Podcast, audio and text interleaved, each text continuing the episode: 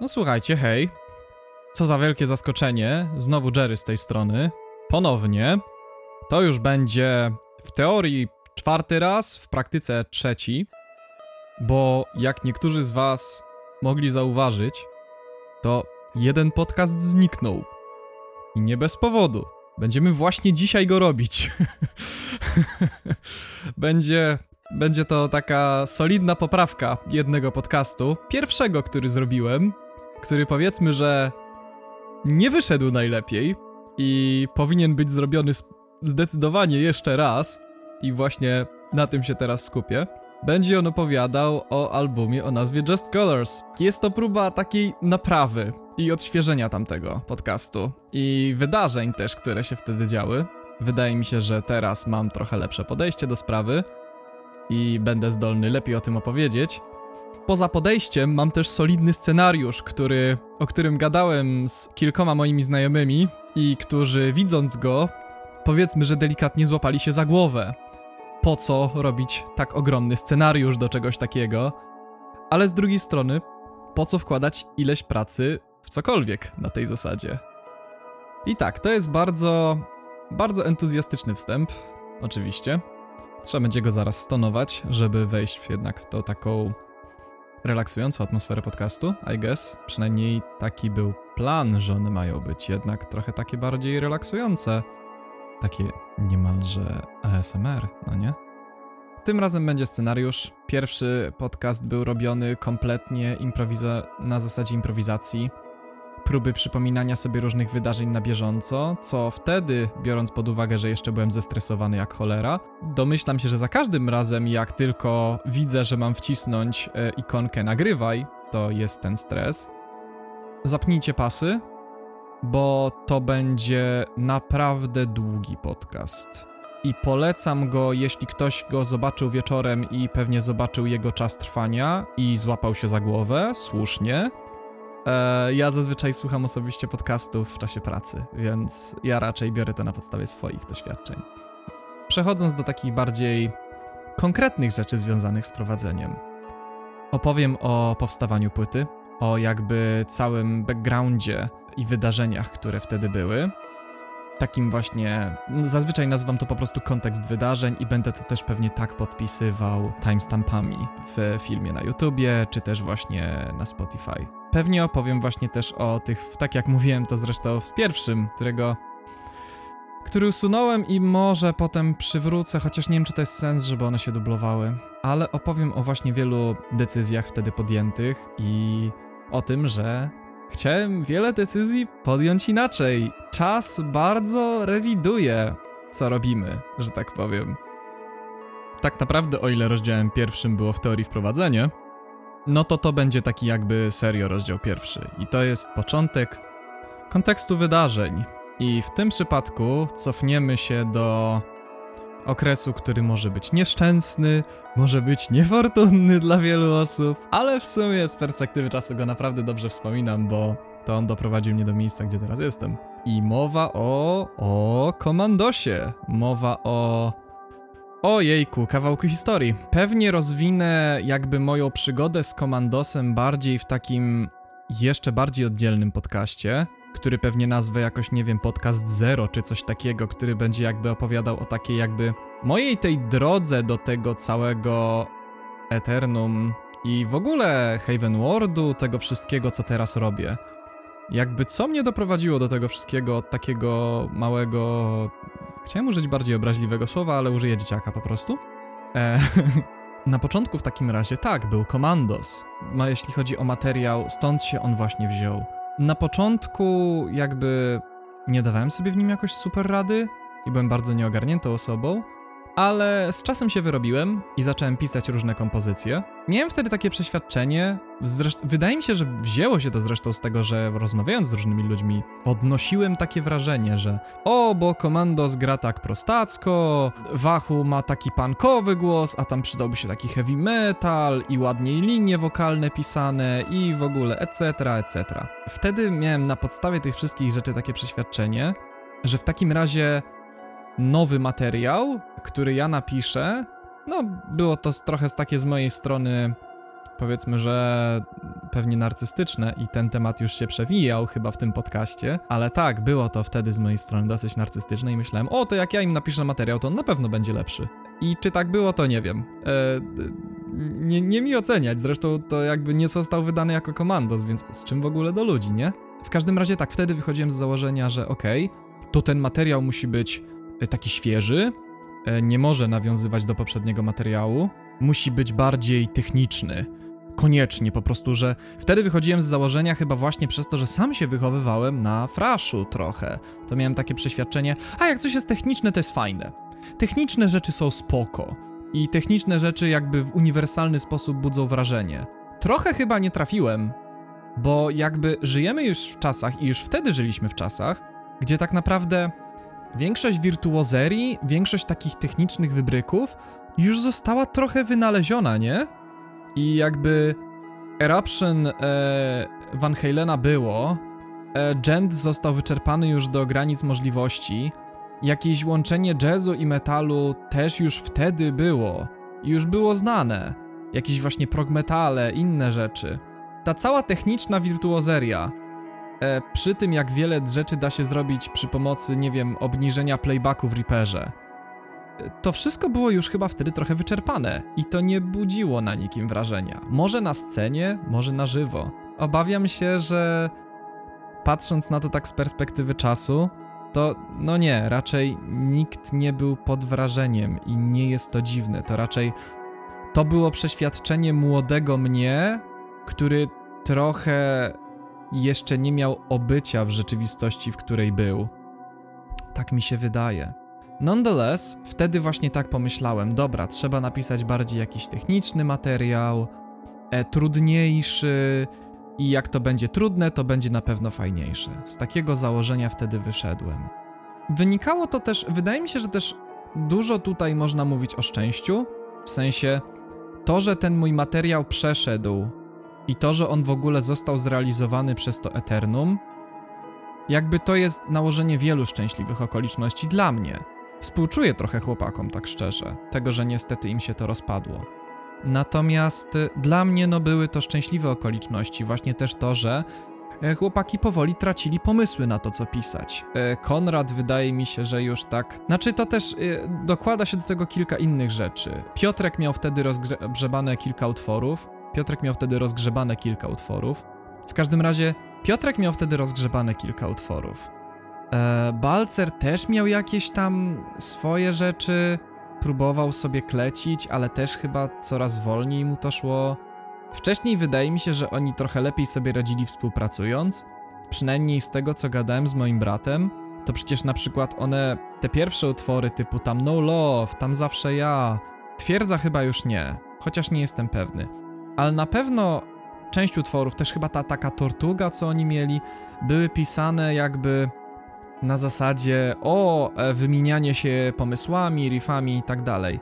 Kiedy ja dołączyłem do Komandosa, to nie widziałem tego już tak bardzo. Miałem wrażenie, że raczej ktoś przynosił swoje rzeczy, reszta co najwyżej troszkę do tego dopisywała. Tak to szło. Więc był jakiś taki wyraźny dołek chyba, niedługo po tym jak ja dołączyłem. I wydaje mi się, że po prostu ja tak jakby poczułem, że to jest że ja powinienem się w ten dołek wcisnąć i zacząć go wypełniać swoimi treściami. I to będzie dla mnie szansa, żeby pomóc temu zespołowi trochę tak, trochę lepiej się w nim odnaleźć, ale też byłoby to dla mnie fajne ćwiczenie jako dla kompozytora. No tak to się zaczęło, pretty much.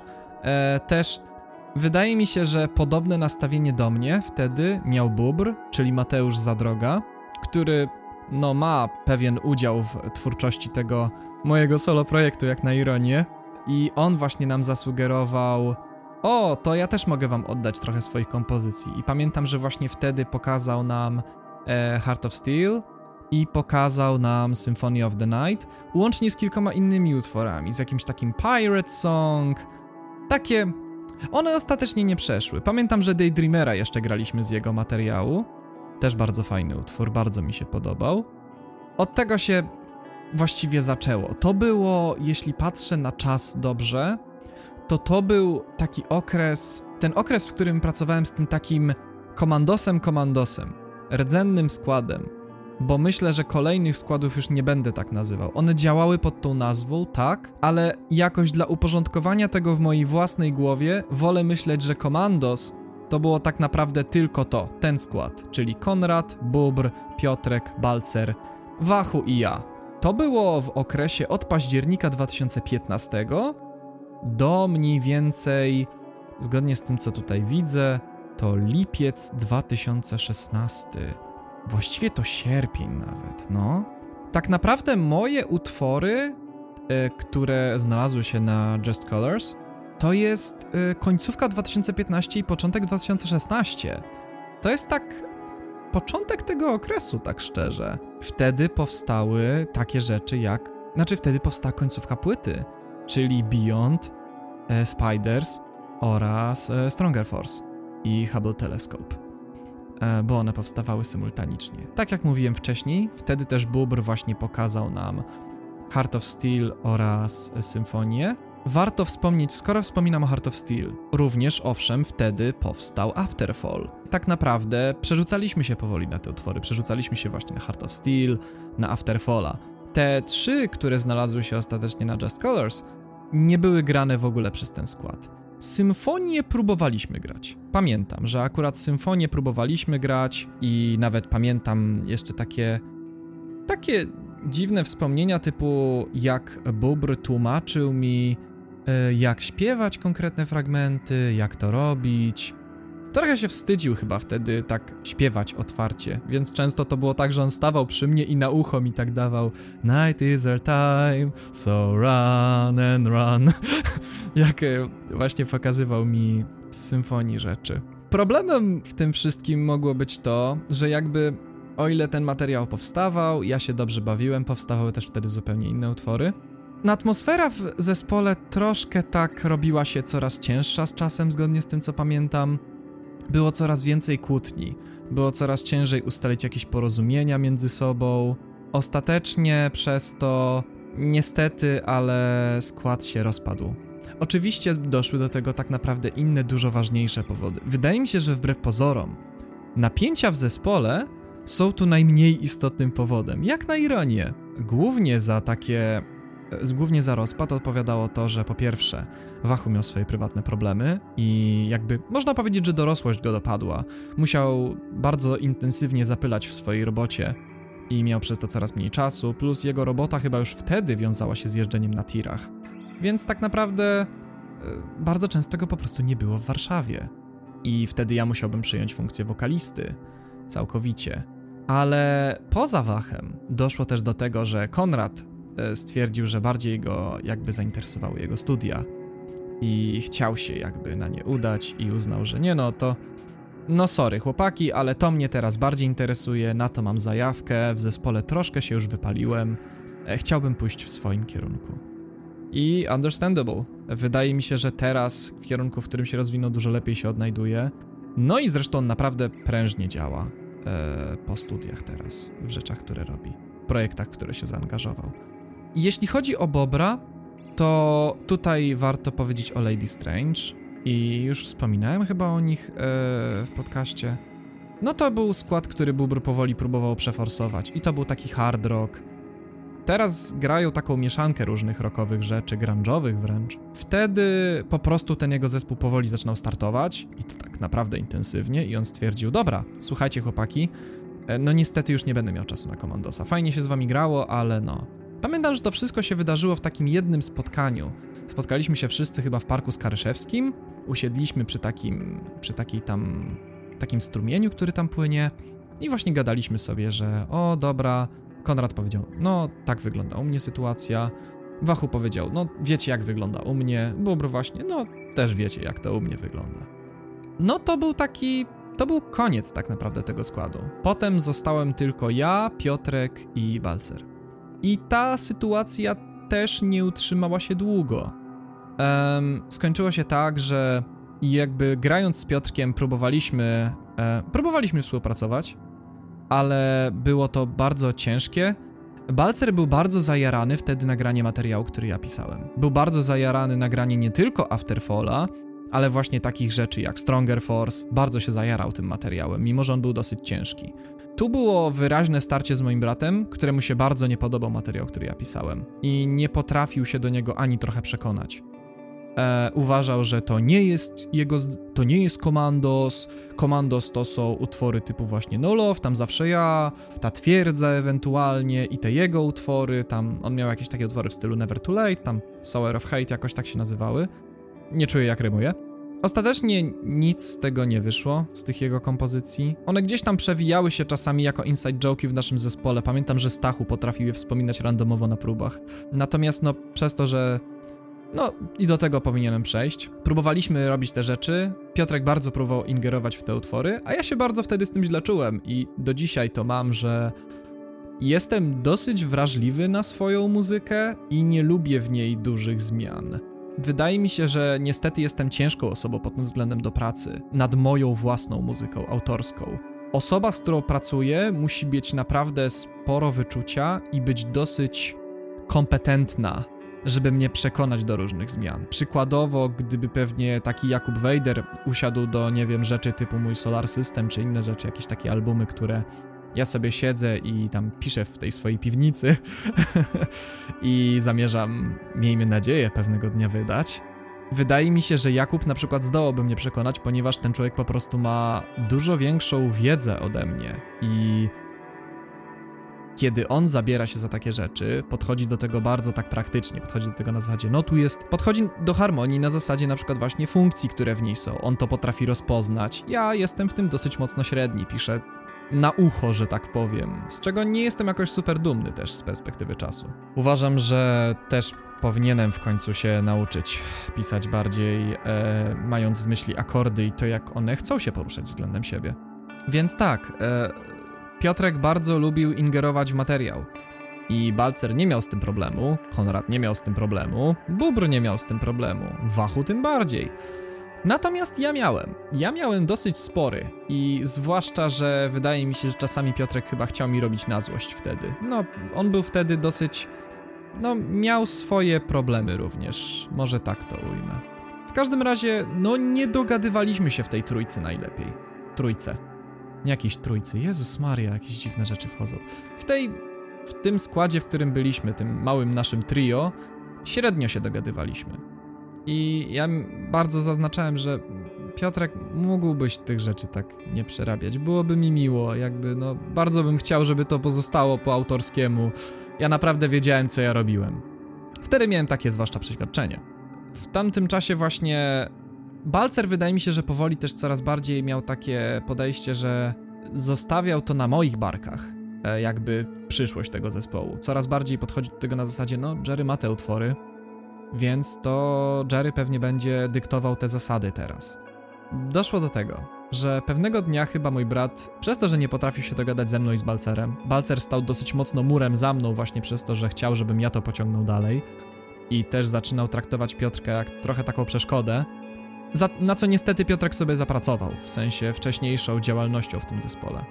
Końcówką przynajmniej działania. Kiedy w pewnym momencie pamiętam, że Balcer też powiedział, że on bardzo by chciał wreszcie wydać coś fajnego.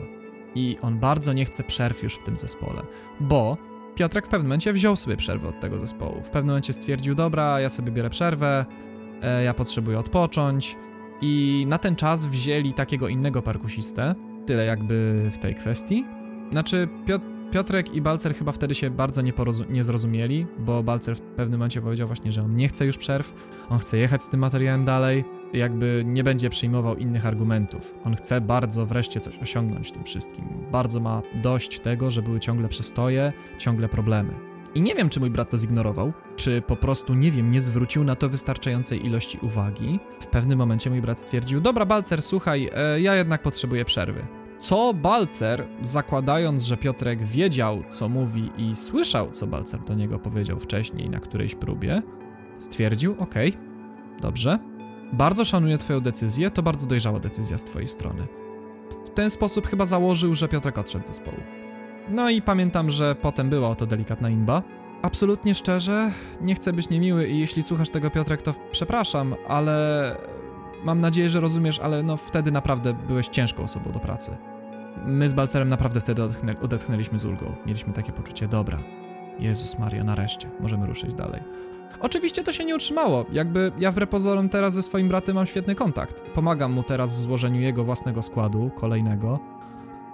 Wydaje mi się, że bardzo się zmienił jako osoba, więc nie wyciągajcie mylnych wniosków. Każdy z nas miewa naprawdę ciężkie i nieprzyjemne epizody, każdy z nas czasami potrafi zachowywać się jak gówno.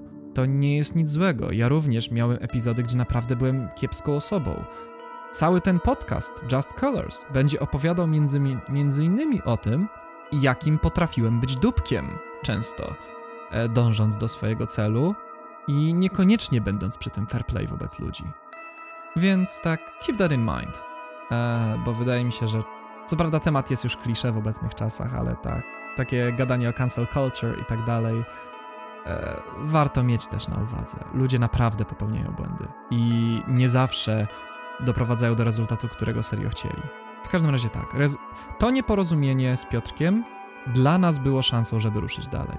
Dla nas było to takim poczuciem dobra. Zostałem tylko ja i Balcer. Obaj nie będziemy sobie wchodzić w drogę. I już wtedy to wiedzieliśmy, że my sobie w drogę nie wejdziemy. My chcemy wydać materiał. My mamy naprawdę piekielną ambicję, żeby wreszcie gdzieś z tym ruszyć. I to będzie nas prowadzić do kolejnego rozdziału. Na pewno jakby Mimo, że działało, tak jak mówiłem, mimo, że działało to pod nazwą Commandos, nie ma to absolutnie z nim nic wspólnego. Zacznijmy może od tego, że właśnie najpierw musieliśmy znaleźć jakiś skład, żeby w ogóle jakoś to pociągnąć. O dziwo, nie mieliśmy problemu ze znalezieniem perkusji.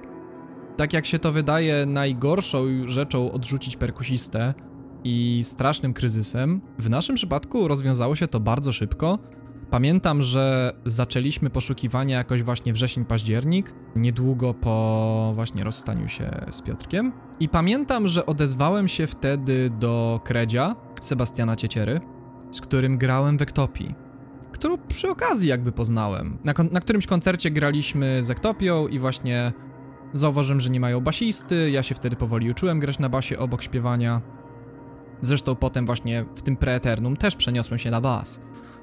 I właśnie spytałem się chyba wtedy Zeta, którego nie znałem w ogóle, e, o, nie macie basisty, dlaczego? A on, no tam odszedł od nas e, jakoś tuż przed koncertem. Ja takie, o kurde, szkoda. Nie szukacie może kogoś? On, no pewnie, stary. Znaczy, oczywiście mogę przekręcać delikatnie tę rozmowę. Może Z będzie ją lepiej pamiętał. W każdym razie w ten sposób znalazłem się w Ektopii dosłownie. Po prostu jedna przyjacielska pogawędka, a raczej jedna świe pogawędka świeżo poznanych jakby muzyków. W sumie bardzo to się, bardzo to jak widać pomogło z perspektywy czasu. Potem właśnie odezwałem się do Kredzia i spytałem się, ej Kredzio, może nie chciałbyś właśnie zagrać, grać u nas w komandosie, wiesz? I Kredzio w sumie się mega zajarał. bardzo fajnie z jego strony.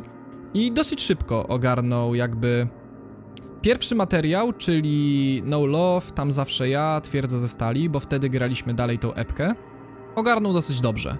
Kiedy udało się nam znaleźć perkusistę, Balcer odezwał się do swojego kuzyna, Stacha, czy nie chciałby u nas być na gitarze.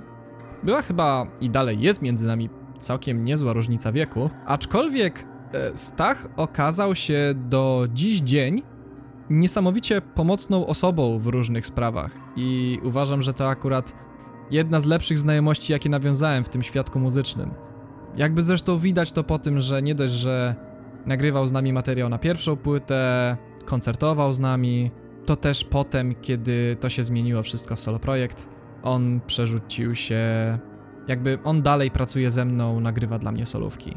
I teraz też do drugiej płyty robi to dalej. Również on jest znany z tego, że jest chodzącą Wikipedią. Gościu ma niesamowitą pamięć i tak naprawdę ten podcast, który teraz powstaje, ten scenariusz, który napisałem, scenariusz, tak naprawdę lista anegdot, to nie powstałoby, gdyby nie moja konsultacja ze Stachem. E, pewnie ten podcast byłby równie beznadziejny, co jego pierwsza edycja.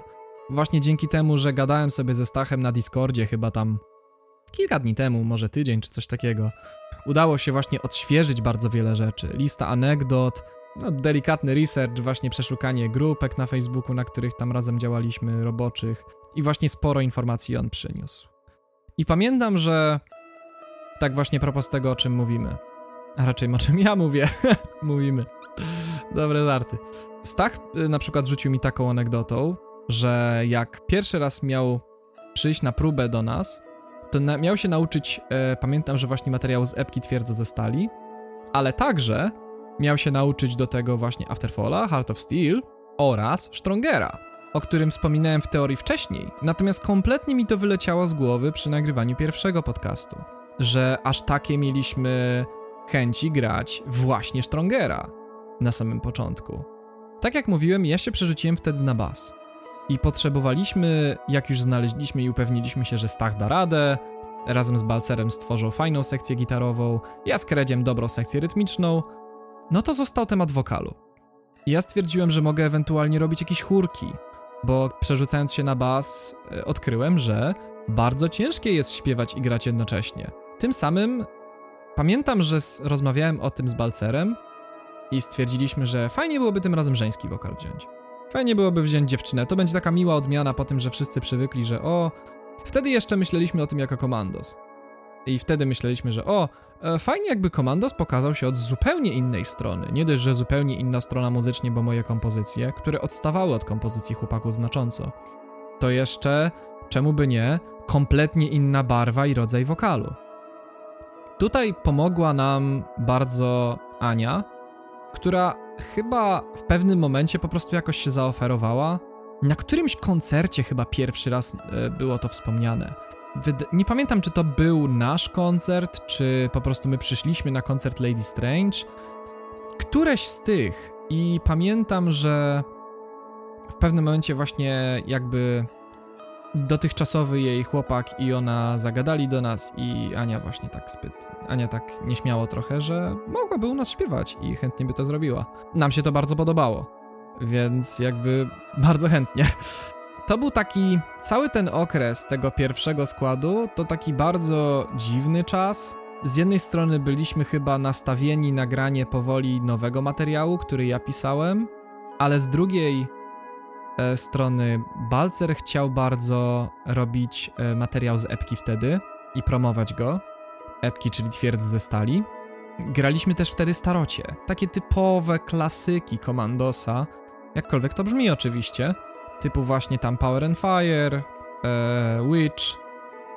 Nawet, nie, Commandos chyba już nie był zagrany chociaż nie jestem pewny. Na pewno Witch e, i Power and Fire były grane. To tego jestem absolutnie pewny, bo mam nawet to na jednym koncercie. Na jednym filmie z koncertu to zauważyłem na setliście. I po pewnym czasie uznaliśmy też, że fajnie byłoby zrobić coś jeszcze e, w stylu takiego. Wtedy myśleliśmy tak też chyba trochę właśnie próbując medialnie to jakoś e, aranżować i próbować podnieść ten skład po tym, że kompletnie się zmienił.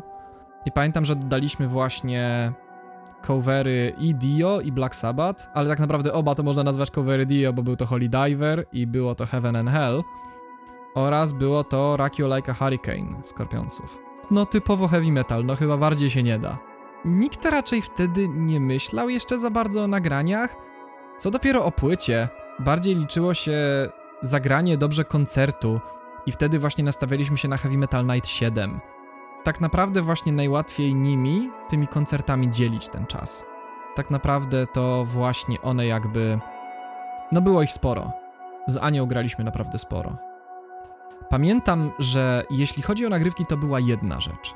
Cały ten okres tego pierwszego składu to jest mniej więcej październik 2016 i listopad 2017. I gdzieś w zimę, na początku 2017, pamiętam, że były nagrywki właśnie takie pierwsza próba zrobienia Heart of Steel. Pierwsza, pierwsza. O Jezu, no. E, usunąłem tą wersję z sieci, bo jest bardzo kiepska. Bardzo chciałbym, żeby nikt jej nie ujrzał, nigdy i nie wysłuchał, bo nie brzmi to dobrze. E, ja nie nagrałem wtedy dobrze basu. E, w ogóle to wszystko było dosyć krzywo, i niby grane do klika, ale w sumie to chyba było bardzo olane. W każdym razie zostało to faktycznie wydane w kwietniu e, razem z resztą epki. O dziwo, o dziwo nawet nakład tej epki, nie pamiętam ile to było kopii, czy było ich 50 czy 100, o dziwo ludzie to kupili. Więc widać, że Balcer wiedział co robi, jakby promując ten materiał i grając go z nami na koncertach. Wtedy jeszcze jakby mieliśmy taką właśnie mieszankę tego wszystkiego. Pamiętam, że dzieląc ten okres koncertami, pamiętam, że po Heavy Metal Night 7 mieliśmy taką weryfikację tego, na co sobie zaplanowaliśmy. Swoją drogą muszę przyznać, że naprawdę e, szybko nauczyła się Ania materiału, biorąc pod uwagę, że to była tak naprawdę zima. To był chyba grudzień, albo właśnie styczeń, nie jestem pewny. Chyba grudzień. To Ania nauczyła się sporej ilości utworów w bardzo krótkim czasie. Jednak wraca mi taki prawdziwy szacunek do niej jako do osoby. Znaczy, oczywiście nigdy go nie straciłem, natomiast dobrze jest sobie to przypomnieć. Dobrze jest sobie zrewidować to wszystko. Wracając. Pamiętam, że po Heavy Metal Night 7 uznaliśmy i po tym, jakie właśnie otrzymaliśmy na ten temat zdanie, bo przyszedł na przykład, pamiętam wtedy Konrad też na ten koncert, e, czyli były nasz gitarzysta. E, przyszło trochę osób jakby pośrednio związanych z zespołem, a trochę po prostu znajomych. Powiedzieli nam wszyscy bardzo wprost, że tak e, ten fajne niektóre że pomysły, pomysł z e, tym właśnie Heaven and Hell, super, bardzo fajnie wam to wyszło, ale z Rock You Like a Hurricane waszym, na waszym miejscu bym zrezygnował. To chyba nam nawet właśnie Konrad powiedział. I chyba nie tylko Konrad, Bubr chyba też wtedy był i też powiedział coś podobnego.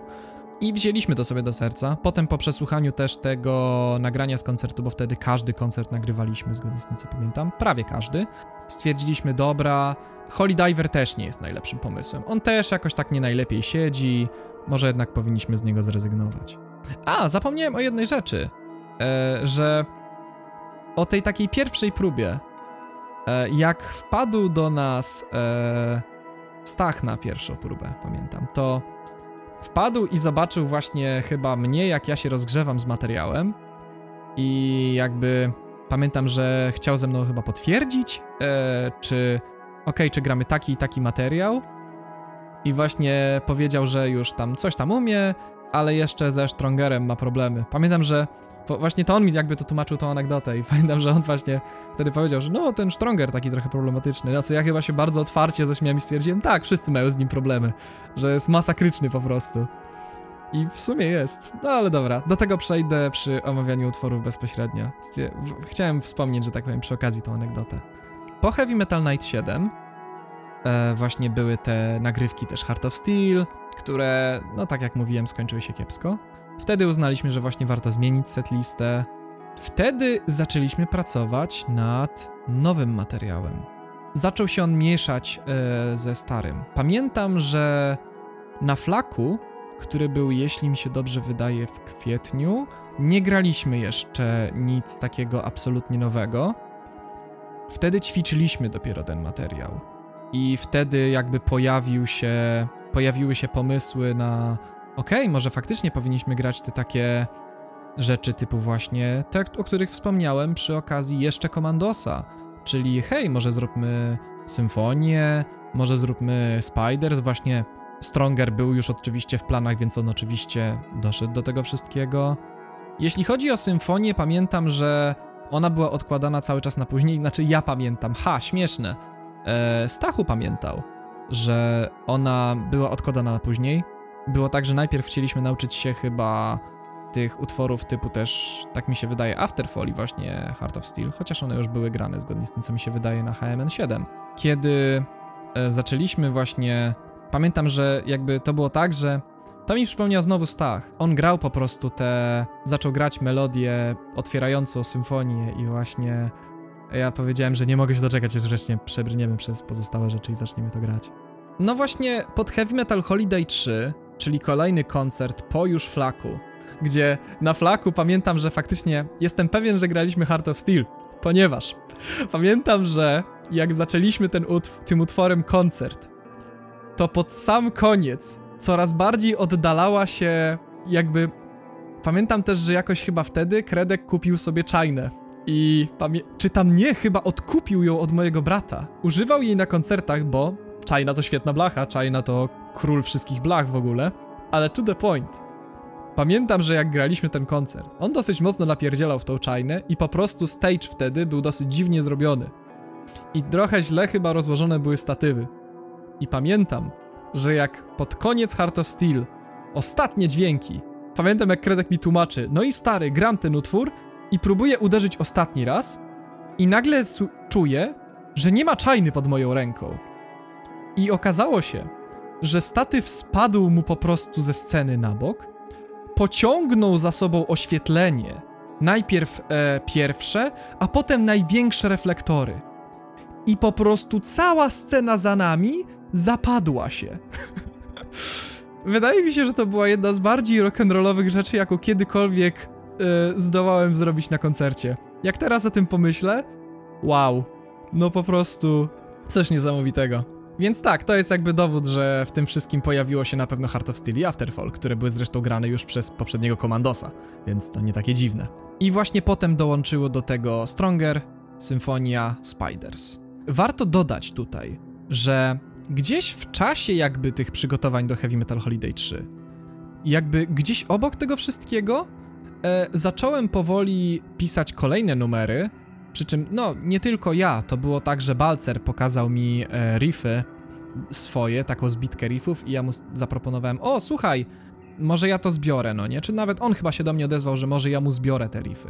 No i zebrałem, dopisałem mu do tego wtedy perkusję i tak dalej. Przejdę do tego przemawiania utworów dokładniej, ale wtedy pamiętam, że między Flakiem a Heavy Metal Holiday 3 powstał Angel, pierwsza jego, powstawał Angel na pewno, od listopada do marca, zgodnie z tym, co widzę, właśnie powstawał. E, czyli bardzo wcześnie, jak teraz o tym pomyślę. A także również wtedy powstawało Memrys. I to będzie luty 2017, bo wtedy pamiętam, że Stach wysłał mi paczkę riffów, a ja właśnie wtedy jakoś w miarę szybko, chyba 3 czy 4 dni później odesłałem mu Memrys i właśnie też potem niedługo kilka innych utworów, które Możliwe nawet, że zrealizuje, jeszcze nie wiem, zobaczymy. I to jest, ta, to jest jakby ta anegdota.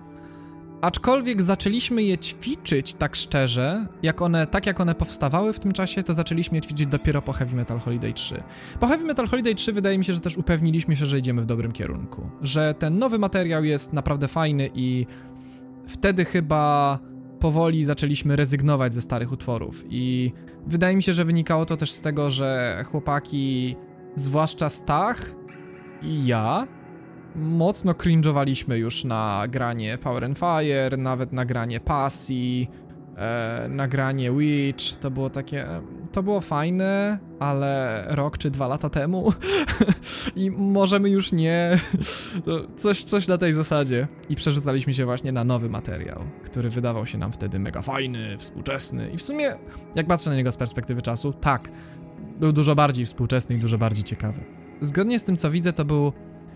Warto dodać, że był jeszcze poza Heavy Metal Holiday. Wymieniłem na razie trzy koncerty, które zagraliśmy za nią. Za nią było dużo koncertów. Był jeszcze taki Wośp, pamiętam, który zagraliśmy. O Jezu, nie pamiętam kiedy on dokładnie był. Chyba przed Heavy Metal Night 7 i to był taki bardzo dziwnie i na szybko organizowany koncert, który to no, no średnio miało sens, tak z perspektywy czasu. Nie wiem w ogóle, kto wpadł na pomysł, żeby go organizować. Nikt na nas nie przyszedł, nikogo nie było. Pamiętam, że jedyne, co wtedy się wydarzyło, to prawie stłukłem swojego Ibaneza. W sensie ten bas, który wtedy kupiłem, taki sześciostronowy, to on prawie się rozwalił, bo trzasnął tak głośno o ziemię, wycią... tak wyślizgnął mi się z futerału. Tak jak mówiłem, wtedy też powstały te nowe dwa utwory, Angel i Memories. I wydaje mi się, że oba zaczęliśmy już ćwiczyć za nią. Oba już. Ania, Ani zresztą bardzo podobały się utwory. Ja zresztą pamiętam, miałem metodę nauki Ani taką, że ja jej nagrywałem tak dyktafonem chyba na telefonie. Puszczałem w tle taba i nagrywałem jej, jak ja to śpiewam bardzo cichym głosem. Bo nie lubiłem wtedy być głośny, nie lubiłem wtedy się drzeć, że tak powiem, w domu bardzo się czułem niekomfortowo z myślą w ogóle o śpiewaniu w domu, więc po cichu nagrywałem jej. I pamiętam, bardzo dobrze pamiętam, że nagrywałem jej Angela w ten sposób. Pokazywałem jej, jak, nagry- jak ma śpiewać Angela, i wydaje mi się, że też pokazywałem jej, jak ma śpiewać Memories. Zgodnie z tym, co e, konsultowałem ze Stachem, to potem mieliśmy jeszcze jeden koncert, i to był tak naprawdę ostatni koncert za nią. Jeszcze po drodze graliśmy pod mostem poniatowskim, w tym takim ośrodku, on się nazywa Mosir? Chyba tak. Zaproponowano tam jakimś cudem nam koncert. Nie wiem do dzisiaj, jak do tego doszło, ale graliśmy takiego openera. Wtedy też wyrobiła mi się fobia grania takich źle przygotowanych koncertów z powodu tego, że nie było żadnych barierek, nie było żadnego odgrodzenia, e, jakiejś, nie wiem, tutaj robię wręcz palcami cudzysłów, sceny od muzyków. I pamiętam, że ci po prostu tacy, takie pijane, e, do reszty narąbane kuce, po prostu napierające na nas, przeszkadzające nam w graniu, po prostu śmierdzieli tym alkoholem i jeszcze chuchali nim na nas. Masakra. W sensie, okej, okay, fajne doświadczenie zagrać open air, fajnie usłyszeć od ludzi, o słuchaj, bas niósł się na całą plażę, ale no wtedy poczułem jak i rozumiem, okej, okay, jakby nie wiem, nie można domagać się bycia jakoś, nie wiem, super traktowanym, jak jesteś muzykiem z lokalnego zespołu, okej, okay. ale takie. Już nawet nie mówię o jakimś specjalnym traktowaniu dla muzyka, raczej o takim prostym traktowaniu z godnością człowieka. I że fajnie, kiedy człowiek jak coś robi, podaje jakiś pokaz czegoś, robi jakąś prezentację. Fajnie, jak robi ją w spokoju i nie przeszkadza mu się w tym. Fajnie, jak szanuje się Twoją pracę i wtedy, no, nie było nam to w żaden sposób pokazane. No i Poniat też, na Poniacie dołączył też wtedy do nas Wachu. Pamiętam, że mimo grania tego naszego nowego seta, czyli graliśmy chyba Afterfalla, graliśmy, na pewno graliśmy Symfonię, Spiders i Strongera, graliśmy chyba wtedy też Heaven and Hell. Obok tego potem zagraliśmy takie stare rzeczy, typu właśnie weszła Pasja, Potem pamiętam, że chłopaki jeszcze chcieli zagrać chyba Power and Fire, chyba nawet zagrali wehikuł czasu Jemu. I pamiętam, że jak już miało wejść Power and Fire, to ja zszedłem ze sceny. Znaczy ze sceny, haha, no znowu. Ale to było tak, że jak dowiedziałem się, że Jezu, oni chcą grać Power and Fire. Nie, po prostu taki złapał mnie cringe. Pamiętam, że schowałem się gdzieś i oni tam mnie wołali i coś. Konrad wziął wtedy po prostu mój bas i zagrał za mnie. Pamiętam, że wtedy taka, no, moja przyjaciółka, a bardziej przyjaciółka Ani, tak szczerze, Olga, pamiętam, usiadła obok mnie i miała takie, wiesz co, nie dziwię ci się. Ja nie dziwię ci się kompletnie. I to, to chyba jest jedno z lepszych wspomnień z tamtego koncertu. Ostatnim koncertem, który zagraliśmy z Anią, był e, koncert w Metal Cave'ie. Metal Cave'ie? Tak, w Metal Cave'ie prawie na pewno który zagraliśmy z takim fraszowym zespołem, e, nie pamiętam skąd, ale nazywają się Definition. E, grać grają fajnie, zupełnie mi się podobało to, co oni robili. Znaczy, to był dziwny koncert, pamiętam, że właśnie na nim stwierdziliśmy, że możemy zagrać też coś nowego i zagraliśmy chyba wtedy właśnie Memrys pierwszy raz, mieliśmy do wyboru Angela i Memrys, chyba zagraliśmy Memrys, bo czuliśmy się z nim pewniej. Eee, a na pewno Ania czuła się pewniej z Memrys. Podobno nawet to zostało nagrane, ale Balcer powiedział nam wprost, że wyszło nam na tyle średnio, że nawet nie ma sensu nam tego pokazywać. Fair enough, fair enough. Po drodze też tego wszystkiego, gdzieś we wrześniu został napisany Priest. Czyli tak naprawdę już mamy niemalże komplet tej płytki. A z kolei po koncercie e, z Definition Ania zdecydowała się, że odchodzi z zespołu. Wiadomo, tam, no, znowu, wracamy do tematu, który pewnie jest ulubioną działką, na pewno moją, przy opowiadaniu o tym wszystkim. Ludzie mają problemy. E, i problemy czasami są taką siłą wyższą, która nawet jeśli ludzie się dobrze bawią w zespole i nawet jeśli fajnie im się go ciągnie dalej, to sprawiają, że tak naprawdę jednak jest ciężko, nie ciągnie się tego tak fajnie dalej. I w pewnym momencie ludzie muszą sobie powiedzieć jednak, e, sorry, trzymajcie się. I akurat Anię bardzo szanuję, że ona wyszła do nas z tą inicjatywą, że ona powiedziała: Słuchajcie, chyba sobie już nie daję rady e, i muszę odejść z zespołu. E, I mam nadzieję, że tam będziecie sobie dalej w miarę dobrze radzić. I to jest godne szacunku. I to było bardzo miłe z jej strony. I myślę, że listopad właśnie 2017 roku tak naprawdę to zamyka historię związaną z pierwszym składem. I tym samym możemy przejść do następnego rozdziału, który będzie dotyczył drugiego składu? Ciężko się nie domyślić, prawda?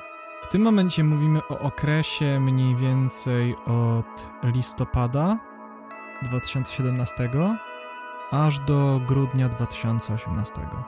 Więc kawałek czasu, kawałek czasu. I w tym przypadku, no, jak nie trudno się domyślić, musieliśmy znaleźć y, kolejną wokalistkę na miejsce Ani. Dalej chcieliśmy trzymać się żeńskiego wokalu. Tutaj z pomocą przyszła mi jedna z moich przyjaciółek, Kinga, która zasugerowała mi jedną swoją znajomą, która miała jakieś tam przygody z wokalem e, w kilku zespołach. Uznałem, że to bardzo dobry pomysł. Ania miała jakieś tam drobne rzeczy związane chyba z jednym zespołem.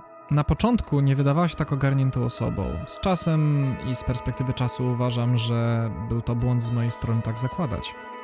Natomiast na początku tak nie było, więc kiedy usłyszałem, że była jakaś osoba, która miała doświadczenie w kilku zespołach, uznałem, że o super, będzie bardzo łatwo z nią pracować, będzie to bardzo sprawne, że tak powiem. Osobą tą była Paulina. Paulina, e, czy też tak zwana szatan. Pamiętam, że jak pierwszy raz przyszło na próbę, to troszkę ta taka iluzja, że jest ona niesamowicie ogarniętą osobą, powiedzmy, że prysła, to była zima. No to jak, jak zresztą widać, no to był listopad. Pamiętam, że ona na pierwsze próby chyba w ogóle zaczęła przychodzić w grudniu dopiero. I pamiętam, że wtedy jeszcze to była taka konkret zima nawet. Było nawet dosyć sporo śniegu, były ujemne temperatury. A ona przychodzi na próbę bez czapki, no nie? Ja po prostu na nią patrzę z takim, naprawdę, naprawdę, byku, jesteś wokalistką.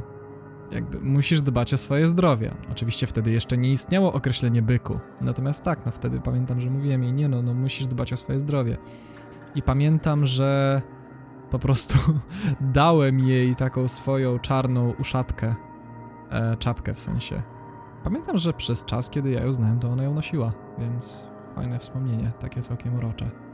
Warto dodać też, że nauczałem ją inaczej niż Anię materiału. E, spotykaliśmy się po prostu u mnie.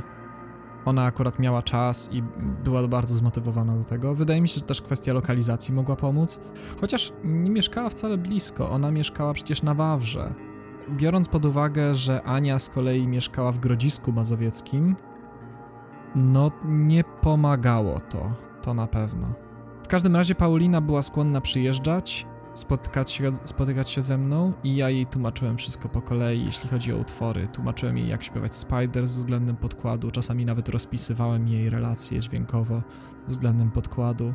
Tak, to, to były też całkiem fajne chwile. Dało się jej całkiem sprawnie i szybko wytłumaczyć różne rzeczy, dosyć szybko łapała o co chodzi, chociaż linie wokalne nie były w sumie proste. W sensie, patrząc na to z perspektywy czasu, o ile dla mnie te rzeczy są intuicyjne, Wydaje mi się, że nauczanie tego innej wokalistki, zwłaszcza przez rytmikę, mogło być trudne. Harmonicznie wydaje mi się, że moje utwory są bardzo takie basic, aczkolwiek jeśli właśnie chodzi o rytmikę linii wokalnych, to wydaje mi się, że no mam taką swoją manierę, swoją manierę, która sprawia, że to może brzmieć, to może być trochę trudniejsze. Zwłaszcza Spiders, pamiętam, takie było. Gdzie było dużo słów, Warto też dodać, że Paulina nie była super obczajona z językiem angielskim. I niestety, no, to jest takie standardowe doświadczenie, że tak powiem, e, w Polsce z szukaniem e, wokalistki.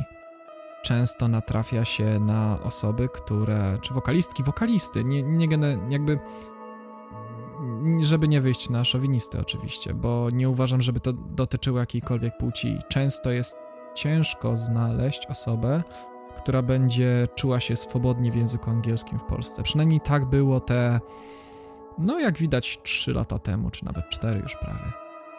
Ale wyrobiła się. Z czasem się wyrobiła, rozpisywała sobie te rzeczy. Była naprawdę, naprawdę była zaangażowana, zwłaszcza na początku. Naprawdę czułem od niej taką motywację, żeby serio ogarniać i być tą częścią zespołu i pomóc.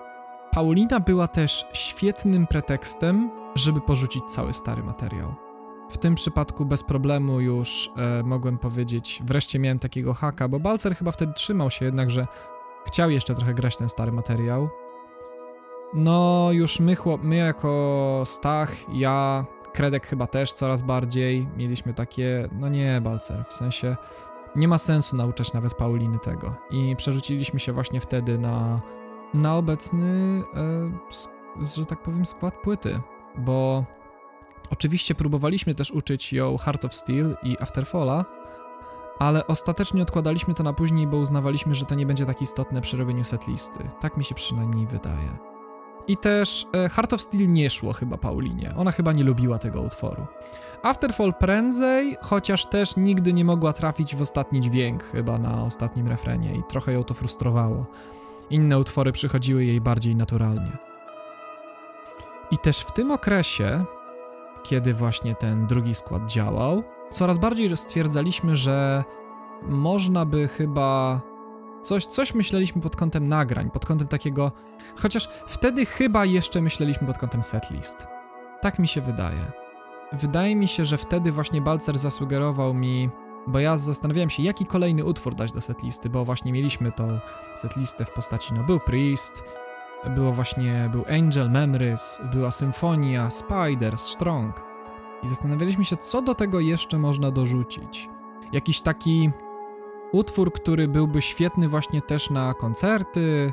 Balcer zasugerował mi, że można by odkopać taki utwór, który kiedyś robiłem, który, no cóż, pewnie jak się już można domyślić, nazywał się właśnie Beyond, Beyond the Sea, The Division. I pamiętam, że kiedy ja go napisałem, to Balcer stwierdził, że to jest bardzo ambitny utwór, zbyt ambitny na nasz obecny poziom wtedy. Pamiętam, że mówił to samo przy składzie z Anioł, mówił to samo przy Starym Komandosie. Ostatecznie uznaliśmy właśnie wtedy, czuliśmy się już na tyle pewnie, z Pauliną zwłaszcza, i ze składem już naprawdę dobrze obczajonym. Dalej graliśmy w końcu wszyscy razem, byliśmy już nieźle zgrani e, i uznaliśmy, dobra, to jest ten moment, kiedy bierzemy Beyonda i kiedy będziemy go grać. Sprawdzianem tych wszystkich rzeczy, czy to wszystko się uda, czy to wszystko kliknie, zadziała. Miał być koncert właśnie 17 marca 2018. No to co już powiedziałem, setlista tak naprawdę była tracklistą przyszłej płyty chociaż wtedy jeszcze tego tak nie rozważaliśmy. Po koncercie uznaliśmy właśnie, chyba po koncercie dopiero, serio wyszła myśl, warto nagrać ten materiał. Początkowo ja byłem dosyć zaskoczony, dosyć przeciwny tej decyzji. Głównie dlatego, że będąc szczerym, troszkę braliśmy te utwory z przypadku. W sensie, utwory były dobierane ewidentnie pod setlistę, a nie pod nagrywanie płyty, a ja byłem wtedy wielkim fanem koncept albumów, do dzisiaj jestem. Do dzisiaj bardzo lubię, kiedy wszystko w albumie jest ładne, spójne, nawiązuje do siebie jakkolwiek, albo po prostu sprawia wrażenie bardzo ładnej całości. Sprawia wrażenie ładnej, spójnej całości. Te utwory, no one były moim zdaniem wtedy dalekie od tworzenia czegoś spójnego. Nie miały podobnej na przykład toniki, były bardzo różne od siebie nastrojem, dobra setlista, nie? Bo zróżnicowana, ludzie na koncertach nie będą się nudzić. Ale jak na płytę wydawało mi się to bardzo dziwną decyzją, stawianie obok siebie właśnie takich utworów jak Memrys, który jest takim, o fajnie, pastisz standardowego heavy metalu z kilkoma twistami, albo Priest, ewidentny pastisz Judas Priest, i Angel taki, no, niby cięższy utwór, ale taki dosyć standardowy, i stawianie ich obok na przykład właśnie Beyonda, który był ambitny, był jednym z ambitniejszych utworów na płycie, albo obok Strongera, który kompletnie nie pasował do wszystkiego, co jest na tej płycie obok niego. Jakby był takim bardzo dziwnym, wyróżniającym się elementem. Ostatecznie właśnie. Ostatecznie pamiętam, że miałem. Oto, to był bardzo delikatny spór. Ja też chyba wtedy się już nie upierałem tak mocno przy różnych decyzjach. I też chyba zdawałem sobie sprawę z tego, że chłopaki bardzo chcą wreszcie coś nagrać, zwłaszcza Balcer miał na to parcie wtedy. Zresztą ja też chciałem coś nagrać. I o ile nie podobało mi się to, że ej, to ma być płyta, to w końcu uznałem, no dobra. Skoro. No bo nauka kolejnych rzeczy zajęłaby stanowczo za długo. I kiedy to zrozumiałem, to był chyba najbardziej przekonujący argument. argument. Wtedy. Tak, presja czasu wbrew pozorom bardzo mocno w to wszystko weszła e, takie poczucie, dobra, nagrywamy, robimy dalej, jedziemy. I na tym zostało. Uznaliśmy, że dobra, to będziemy nagrywać. taki, no album z przypadku, tak szczerze. W sensie, jak, jak na ironię, no nie, że jak teraz się go słucha, ja niedawno wypuściłem tak zwany właśnie to Concept Edition, czyli że utwory płynnie przychodzą w siebie na Spotify, na YouTubie od pewnego już dłuższego czasu te utwory płynnie przychodzą w siebie, to sugeruje jakieś chociażby wrażenie koncept albumu, sugeruje, że to jest jedna spójna historia. Zresztą w poprzedniej wersji podcastu ja nawet opowiedziałem, że stwierdziłem, że można tam zrobić spójną historię. Ale wtedy kompletnie tak nie uważałem i będąc brutalnie szczerym, tak, to jest to jest album z przypadku. To jest po prostu setlista na koncercie. Na koncert i tyle. Wtedy nie przejmowaliśmy się takimi rzeczami. Wydaje mi się, że po prostu pewnie byłem za młody i za głupi na to. I na pierwszy ogień wtedy właśnie uznaliśmy, że dobra, jeśli chcemy to nagrywać, to fajnie byłoby sprawdzić, czy nasza ekipa się sprawdzi w ogóle w studiu. Skoro mamy to w teorii obcykane na żywca, to powinniśmy dać sobie rady tak doskonale w studiu. Nawet chyba w ostatnio w jednym materiale o tym mówił ten e, Glenn Fricker z tego Spectre Sound Studios i nie lubię tego człowieka za niektóre opinie, które on wygłasza, bo mam doświadczalnie potwierdzone, że się myli. W sensie, na przykład on właśnie powiedział, że o, jeśli sobie świetnie radzicie z czymś na koncercie, bezproblemowo nagracie to w studiu. Ja pierdolę, jak bardzo można się mylić, to jest niesamowite. Jak bardzo ten człowiek się mylił. Holy shit. Ale tak, dlatego wtedy właśnie uznaliśmy, że okej, okay. wtedy wychodziliśmy z bardzo podobnego założenia co on i uznawaliśmy, radzimy sobie na żywca, lecimy do studia, elo. Zaczęliśmy właśnie od e, tego, że dobra, to sprawdźmy, czy w ogóle to damy radę zrobić. Zacznijmy od singla. Uznaliśmy, że żeby wyszło to tanio i żeby wyszło to jakkolwiek spójnie i szybko, to nagramy to w Redrumie u Jacka. E, Redrum Studio, które wtedy jeszcze istniało, no nie? Teraz już tak średnio ta sala prób istnieje. Niestety Jacek, że tak powiem, troszkę przegrał. Znaczy przegrał, no. Pojawił się jakiś inwestor, no typowo polska patodeweloperka, no nie? I przegonili go stamtąd, niestety. E, ale wtedy jeszcze istniało. I uznaliśmy, dobra, to pójdziemy do niego, spróbujemy nagrać singla. A co się nadaje lepiej na singla? Najlepiej na singla? No oczywiście, że Priest. Eee, więc uznaliśmy, że dobra, weźmy Priesta, jest prosty, strzeli, że tak powiem, strzela szybko i właśnie czuliśmy się wtedy zgrani, dobra, damy radę. To było w lato, to było w lato 2018. Jeśli mi się dobrze wydaje, to to był chyba lipiec, nie jestem pewny. W każdym razie Pamiętam, że po prostu zaczęliśmy się pakować na ten, e, na ten zjazd do studia. No wiadomo, stwierdziliśmy, dobra, wszystko wbijemy w jeden dzień, damy radę, że perkusja, bas, gitary, wokal, wszystko się uda na raz. Oczywiście w momencie, kiedy myślisz, że wszystko ci pójdzie super, to prawo Marfiego przychodzi i mówi ci, ha, no, no, no, no. I dokładnie tak było. Nie wiem jakim cudem, ale strojąc, domyślam się, że to wynikało z tego, że grałem na basie siedmiostrunowym, i wyobraźcie sobie, że człowiek wbrew pozorom nie zawsze ma wystarczająco rozumu, żeby obsłużyć taki instrument. I strojąc ten, pamiętam go, nie zauważyłem, że naciągam kluczem inną strunę niż tą, którą gram palcem, żeby ją nastroić. I w ten sposób pękłem strunę E.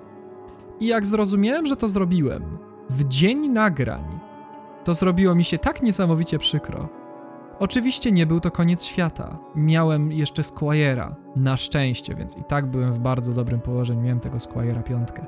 O sprzęcie opowiem zaraz. Ale Squire był nastrojony inaczej, ponieważ ten Harley Benton, którego wtedy miałem, był nastrojony tak naprawdę do Fizz standard, tylko że oktawę niżej. A Squire był nastrojony do dropu A i to trochę zmieniało niektóre rzeczy. Więc zamiast być świetnie przygotowanym, do studia, musiałem uczyć się niektórych partii od zera, w czasie kiedy Kredek wbijał bębny. Na szczęście się udało i chyba łącznie z perką wydaje mi się, że zajęło to jakieś 3 godziny. Wydaje mi się, że ja baz wbijałem półtorej godziny. Więc w sumie to nie jest taki zły czas. Zwłaszcza przy tym, że Kredzio, no i tu też warto dodać właśnie, bo tak naprawdę ja dałem radę zagrać ten bas właśnie półtorej godziny, niezły czas. I na czym się wysypaliśmy to gitary. Oczywiście jest coś takiego jak metronom. Metronom jest świetnym urządzeniem i polecamy każdemu. Wbrew pozorom ludzie, którzy mówią wyłącz metronom, no oczekują od ciebie, że będziesz naprawdę fenomenalnym muzykiem, że będziesz miał perkusistę, który potrafi świetnie trzymać time i ludzi, którzy potrafią świetnie się trzymać time'u perkusisty. I okej, okay, pewnie jak jesteś e, wieloletnio grającym na scenie muzykiem z tym samym składem, macie zagrane nie wiadomo jaką ilość koncertów, prób, pewnie może nawet nagrywaliście coś na setkę w ten sposób i próbowaliście, okej, okay, wtedy pewnie zagrasz bez klika fenomenalnie i to jest godne podziwu. To faktycznie jest coś niesamowitego. E, natomiast większość z nas, zwykłych śmiertelników, potrzebuje klika, żeby po prostu grać fair play ze sobą i wtedy coś wszystkich ludzi temperuje w zespole i sprawia, że nikt, zwłaszcza perkusista, nie poleci sobie bardzo do przodu. Natomiast nawet klik nie zdoła utrzymać cię w pełni w ryzach i nie sprawi, że będziesz grał równo wewnątrz grida. Oczywiście nie mówię o jakiejś chamskiej kwantyzacji i nie mówię o jakimś, nie wiem, niesamowitym po prostu trzymaniu się każdej szesnastki, ósemki, etc., etc. Ale dobrze jest, kiedy, że tak powiem, jest to taki, powiedziałbym, pływający, ale nie wiem, no ten rytm pływa o ten 1, 2, może 3 BPM. No Kredzio, jak się człowiek wsłucha w tego Priesta i pewnie puści obok klika, to pewnie gra z głównymi uderzeniami klika. Ale co się dzieje między nimi? To ja nie mam pojęcia. Pamiętam, że ja dałem radę nagrać do tego bas, ale było to dosyć trudne. I bas na szczęście rządzi się troszkę innymi zasadami niż gitara. Teraz to wiem, bo sporo gitary nagrywałem ostatnio. Jeśli coś jest nierówne na perkusji, to basista raczej da radę się do tego dograć. Jeśli coś jest nierówne na perkusji e, i bas do tego popływa, to gitarzyści będą mieli przerąbaną robotę. Nawet jeśli sekcja rytmiczna gra równo, to wbrew pozorom gitarzyści czują rytm trochę inaczej i ciężej im jest się dograć. Zwłaszcza grając dużo jakichś palmiutów czy czegoś takiego. Chłopaki naprawdę mieli niezły problem. Pamiętam, że właśnie jak zwłaszcza Stach próbował nagrywać te partie, to kompletnie wysypywały mu się te. kompletnie wysypywały mu się tłumienia i tak dalej. I to nie tak, że on, nie wiem, nie miał techniki, bo miał. I nawet sugerowaliśmy mu ewentualnie czasami, nie wiem, przesuń rękę wyżej mostka czy coś takiego. Pamiętam też, że w tamtym czasie on przerzucił się z takiego Epifona, którego miał, czerwonego, na Fendera Stratocastera. Że tak powiem, właśnie przez to, że byliśmy live bandem, to jest to, co wspominałem wcześniej. To, że potrafisz zagrać na żywo, wcale nie znaczy, że poradzisz sobie świetnie w studiu. Nie wiedzieliśmy na przykład takich rzeczy, które są dosyć podstawowe, jak fakt, że nagrywając jedną gitarę rytmiczną na. Znaczy, w ogóle już fakt, że nagrywaliśmy dwa różne rytmy na tą samą, e, w tym samym miejscu, z perspektywy większości muzyków w obecnych czasach to jest śmiechu warte. Każdy by powiedział: Nie, Rytmy nagrywa jedna osoba. Rytmy double trackuje jeden gitarzysta w danym utworze albo w danej partii. Nie ma w ogóle tak, że nagrywają dwie różne osoby dwa różne rytm. Ten sam rytm. To jest bez sensu, prowadzi tylko do niepotrzebnych utrudnień. To jest takie foliarskie myślenie, że o, dwóch różnych gitarzystów dodać jakiś niesamowity flavor do tej muzyki. Nie, broń Boże. Wprost przeciwnie, sprawi, że będzie ona gorzej chodzić i będzie mniej tight. I my tego nie wiedzieliśmy. Ja wtedy właśnie żyłem w takich foliarskich przekonaniach. O, e, niech chłopaki grają obaj e, po każdym rytmie, w ten sposób na pewno to wszystko zabrzmi lepiej. Ciężko, żeby to zabrzmiało lepiej, kiedy Balcer nagrywał na Dinie z humbuckerami, a Stachu nagrywał na stracie z single coilami. No to nie ma szansy zabrzmieć dobrze. To po prostu nie miało w ogóle racji bytu właśnie również sposoby grania i kostkowania pewnie tutaj wchodziły w grę i to, że nie nagrywaliśmy siebie nigdy wcześniej tak serio. W sensie nagrywaliśmy się przy okazji Heart of Steel, gdzie nie było dużo palmiutów. Tam praktycznie ich nie ma, tak zresztą szczerze. No wysypaliśmy się na tym. Wysypaliśmy się na tym mocno. Nagle się okazało, że gitary zajmowały kolejne i kolejne i kolejne godziny i o ile wzmacniacze wszystko super, to po prostu wysypywaliśmy się na nagrywaniu partii i używaniu tych gitar. Ja też wtedy miałem właśnie pewną wizję, która wcale nie ułatwiała chłopakom roboty. Ja właśnie miałem to przeświadczenie, ok, każdy niech nagrywa po jednym rytmie do tego miejsca, żeby double tracking był z dwóch różnych rąk i dwóch różnych wioseł. co jest bez sensu. Tak samo miałem pewną wizję, o, palmiuty muszą być takie i takie, bo jak nie, no to, to nie, to, to już nie działa. To też było trochę głupie. Powinienem był się pewnie więcej nauczyć o graniu na gitarze. Chociaż gadałem o tym z kilkoma osobami i oni mi z kolei mówili, że nie no, jako pewien taki, jako kompozytor w teorii nie musisz mieć wiedzy na temat gitar, to gitarzysta powinien wiedzieć jak zagrać swoją partię na gitarze. No tak, na logikę w teorii tak, w praktyce wbrew pozorom dobrze jest mieć tą wiedzę. Tak mi się wydaje, że wbrew pozorom jako kompozytor dobrze jest, kiedy umiesz ludziom wytłumaczyć, ej zagraj to tak. I, i bierzesz wiosło i pokazujesz, patrz, patrz, patrz, tak to robisz, tutaj trzymasz rękę. I to brzmi wtedy w dokładnie ten sposób, co chcę. No, wtedy nie miałem tej wiedzy. Wtedy uważałem gitarę za czarną magię, zwalałem to wszystko na chłopaków. Czy dobrze, czy źle, jedna osoba powie, że dobrze, druga osoba powie, że źle. No i właśnie mi ciężko rozsądzić. Zły był rezultat, a to jest najważniejsze, bo tak naprawdę przecież najważniejsze właśnie, żeby to produkt, to rezultat był. To rezultat był dobry. Tutaj możemy przejść w takim razie, skoro wspominam tyle o sprzęcie to przejdziemy na chwilę do sprzętu. Jeśli chodzi o. I zacznijmy sobie oczywiście od wszystkiego po kolei. Jeśli chodzi o perkusję, no to Kredzio używa zgodnie z tym, co mi wiadomo, na blachach Sabianów X7 serii albo po prostu, 7, albo po prostu serii 7. Ja używałem wtedy właśnie tego Harley Bentona 7, tego, o którym wspominałem, że rozwaliłem mu strunę E. e oraz właśnie Squire'a pięciostrunowego. I potem pamiętam, że tego Harley Bentona zamieniłem na LTD sześciostronowe, bo zrozumiałem, że 7 strun to jednak trochę dla mnie za dużo, tak wtedy stwierdziłem, co jest śmieszne z perspektywy tego, że siedzę teraz tutaj, nagrywam ten podcast i mój siedmiostrunowy Ibanez patrzy na mnie z zajebiście dużym rozczarowaniem. Sorry.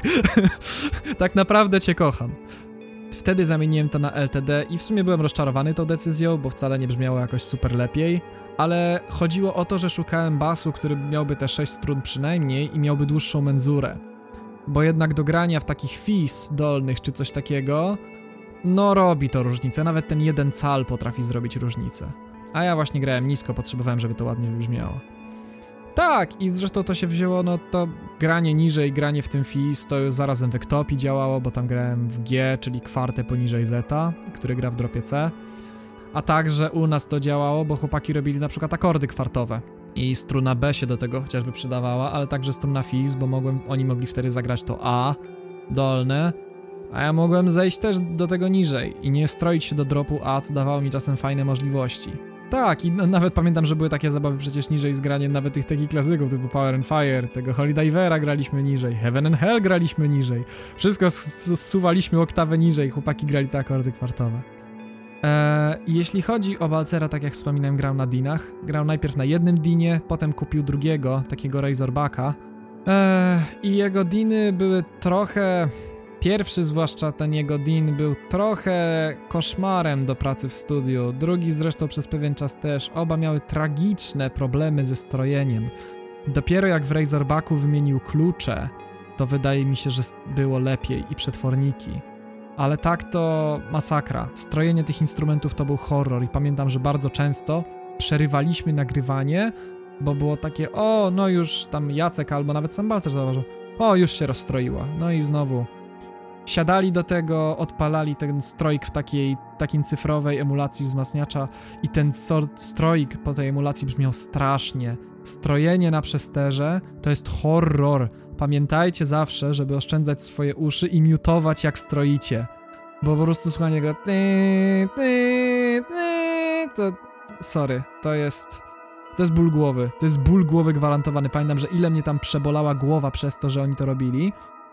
No, przede wszystkim, jak stroicie to na miucie, ale po prostu kupujcie instrumenty, które mają dobre klucze, albo wymieniajcie klucze czym prędzej w instrumencie. To nie ma sensu grać na instrumencie, który dobrze nie stroi, co nie? No dobra, taki rant. To znowu pokazuje. To, że umiesz zagrać na żywo, nie znaczy, że sobie poradzisz w studiu. Wbrew pozorom. Bo na, na koncercie, jak ci się rozstroi gitara, okej, okay, szybko nastroisz. Nie zwrócisz nawet często na to takiej uwagi w tej adrenalinie, ferworze i wszystkim. W studiu to jest must have. Gitary muszą być dobrze nastrojone. Ostatnio słuchałem jednego zespołu, zresztą epki takiej. E, Keymakers się chyba nazywają. Tam gitary nie stroją i to słychać. I to jest straszne. W sensie rozumiem, że to przepuścili, bo są pewnie też młodym zespołem, no nie? I dopiero startują. Współczuję im, bo pewnie wiele osób im to wytknie, że ej, te lidy wam nie stroją. Coś jest mocno nie tak. Eee, no ale no, rozumiem, no każdy gdzieś popełnia błędy. No to właśnie pokazuje, kiedy jesteś nieobeznany ze studiem. Tak, i to co wspominałem, Stanisław zmienił Epifona na Stratocastera i nagrywał większe rzeczy na Stratocasterze. Ten Strat był świetny. Ten Stratocaster to naprawdę świetny instrument. Do dzisiaj Stachu nagrywa na nim e, solówki. I brzmi super. Do solówek, do lidów. Mega. Ma świetny prezens, bardzo ładnie się przebija. Ale do nagrywania rytmów jednak te humbuckery są potrzebne, zwłaszcza kiedy druga gitara jest nagrywana na humbach. Jeśli chodzi o wzmacniacze z kolei, to używaliśmy dwóch, które należały w tym momencie do Balcera. To była. Jeden był spuścizną jeszcze po Konradzie, kiedy jeszcze grał w Komandosie, który ogarnął sobie wtedy Piveya 6505, czyli stara dobra krowa. Nic po prostu jej nie zastąpi, bo to jeden z lepszych wzmacniaczów do rytmów na świecie. Balcer nagrywał na Brytolu z kolei, czyli Marshallu JCM 2000 i blendowaliśmy te wzmacniacze przy, właśnie w studiu. Bardzo często gitary nagrywaliśmy na Marshalla i na Piveya. Co było śmieszne, gdy się porównywało zwłaszcza e, ten ich gain level, że tak powiem, bo pamiętam, że w tym Marshallu trzeba było odkręcić po prostu gaina na połowę, żeby on w ogóle jakkolwiek sensownie brzmiał. A z kolei w tym e, Piveju tam jedna czwarta czy coś takiego i już była, już była siara straszna. Pojedyncze partie nagrywaliśmy też, jeśli chodzi o kliny zwłaszcza, nagrywaliśmy na takim Blackstarze Jacka, em, który właśnie tam stał sobie po prostu w kącie i miał bardzo ładne presety do klinów, takie bardzo ładne delaye i reverby. I też chorus bardzo ładny. Jeśli chodzi o wzmacniacz basowy, no ja tak naprawdę jechałem z linii, ale używałem po drodze właśnie jako D-Boxa tego Beringera swojego. Ultra Bass tam 450 czy tam 4500. Teraz go sprzedałem jakiś czas temu. Baśka, mam nadzieję, że będzie ci super służył, bo bardzo lubię ten wzmacniacz i jest świetny i życzę ci z nim jak najlepszych przygód. Natomiast tak, no zadziałał wtedy, że tak powiem. Tak naprawdę jedyne co w nim wprowadzałem to tylko drobny EQ, bo on nie ma żadnego drive'a, ma tylko oktawer, którego polecam ktokolwiek ma ten wzmacniacz, ktokolwiek ma do czynienia z oktawerami Beringera, polecam ich nigdy nie używać i zostawiać tą funkcję zawsze wyłączoną bo to nie pomaga. Natomiast funkcja Shape jest bardzo fajna. Wycina taki nieprzyjemny środek z takiego DI. Jeśli chodzi o kolumnę, no tak jak ja mówiłem, ja jechałem przez DI.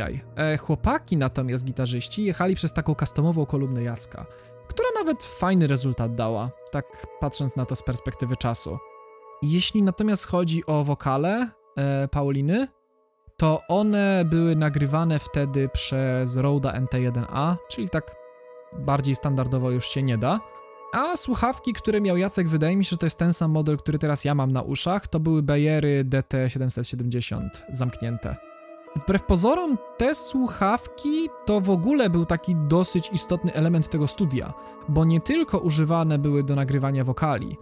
W pewnym momencie też ja na nich weryfikowałem, czy wszystko ładnie, że tak powiem, działają i czy chłopaki dobrze nagrywają, bo dosyć dziwna rzecz być może, ale ja jestem dosyć sceptyczny do nagrywania i słuchania rzeczy na monitorach studyjnych.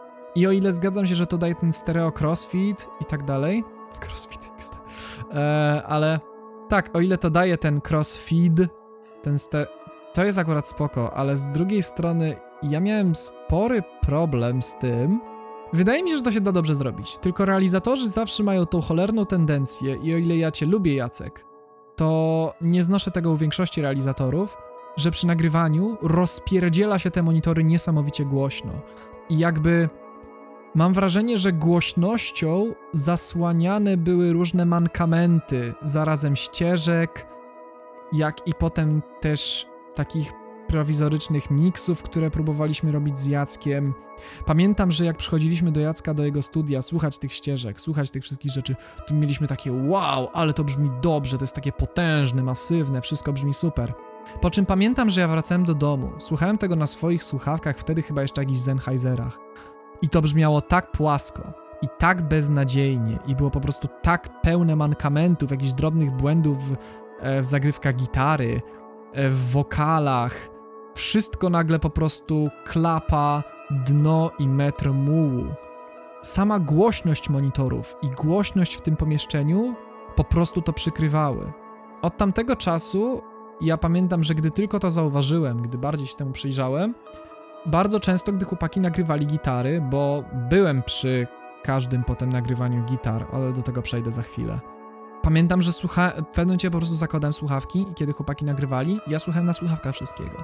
I kiedy oni słuchali na monitorach, ja słuchałem na słuchawkach, żeby się upewnić, że serio wszystko dobrze działa, wszystko jest ładnie rozłożone. Zresztą potem też wychodziły właśnie jakieś błędy w miksie, typu, że nie wiem, czasami coś nie było w panoramie tak jak trzeba, nie wiem, jakieś były, na przykład, na przykład w Spidersach są takie trzy szepty i chyba w pierwszej wersji miksu w ogóle jeden szept nie był, był, dwa szepty były na środku, jeden w lewym kanale, zamiast dwa być w prawym, jeden na środku. O co chodzi?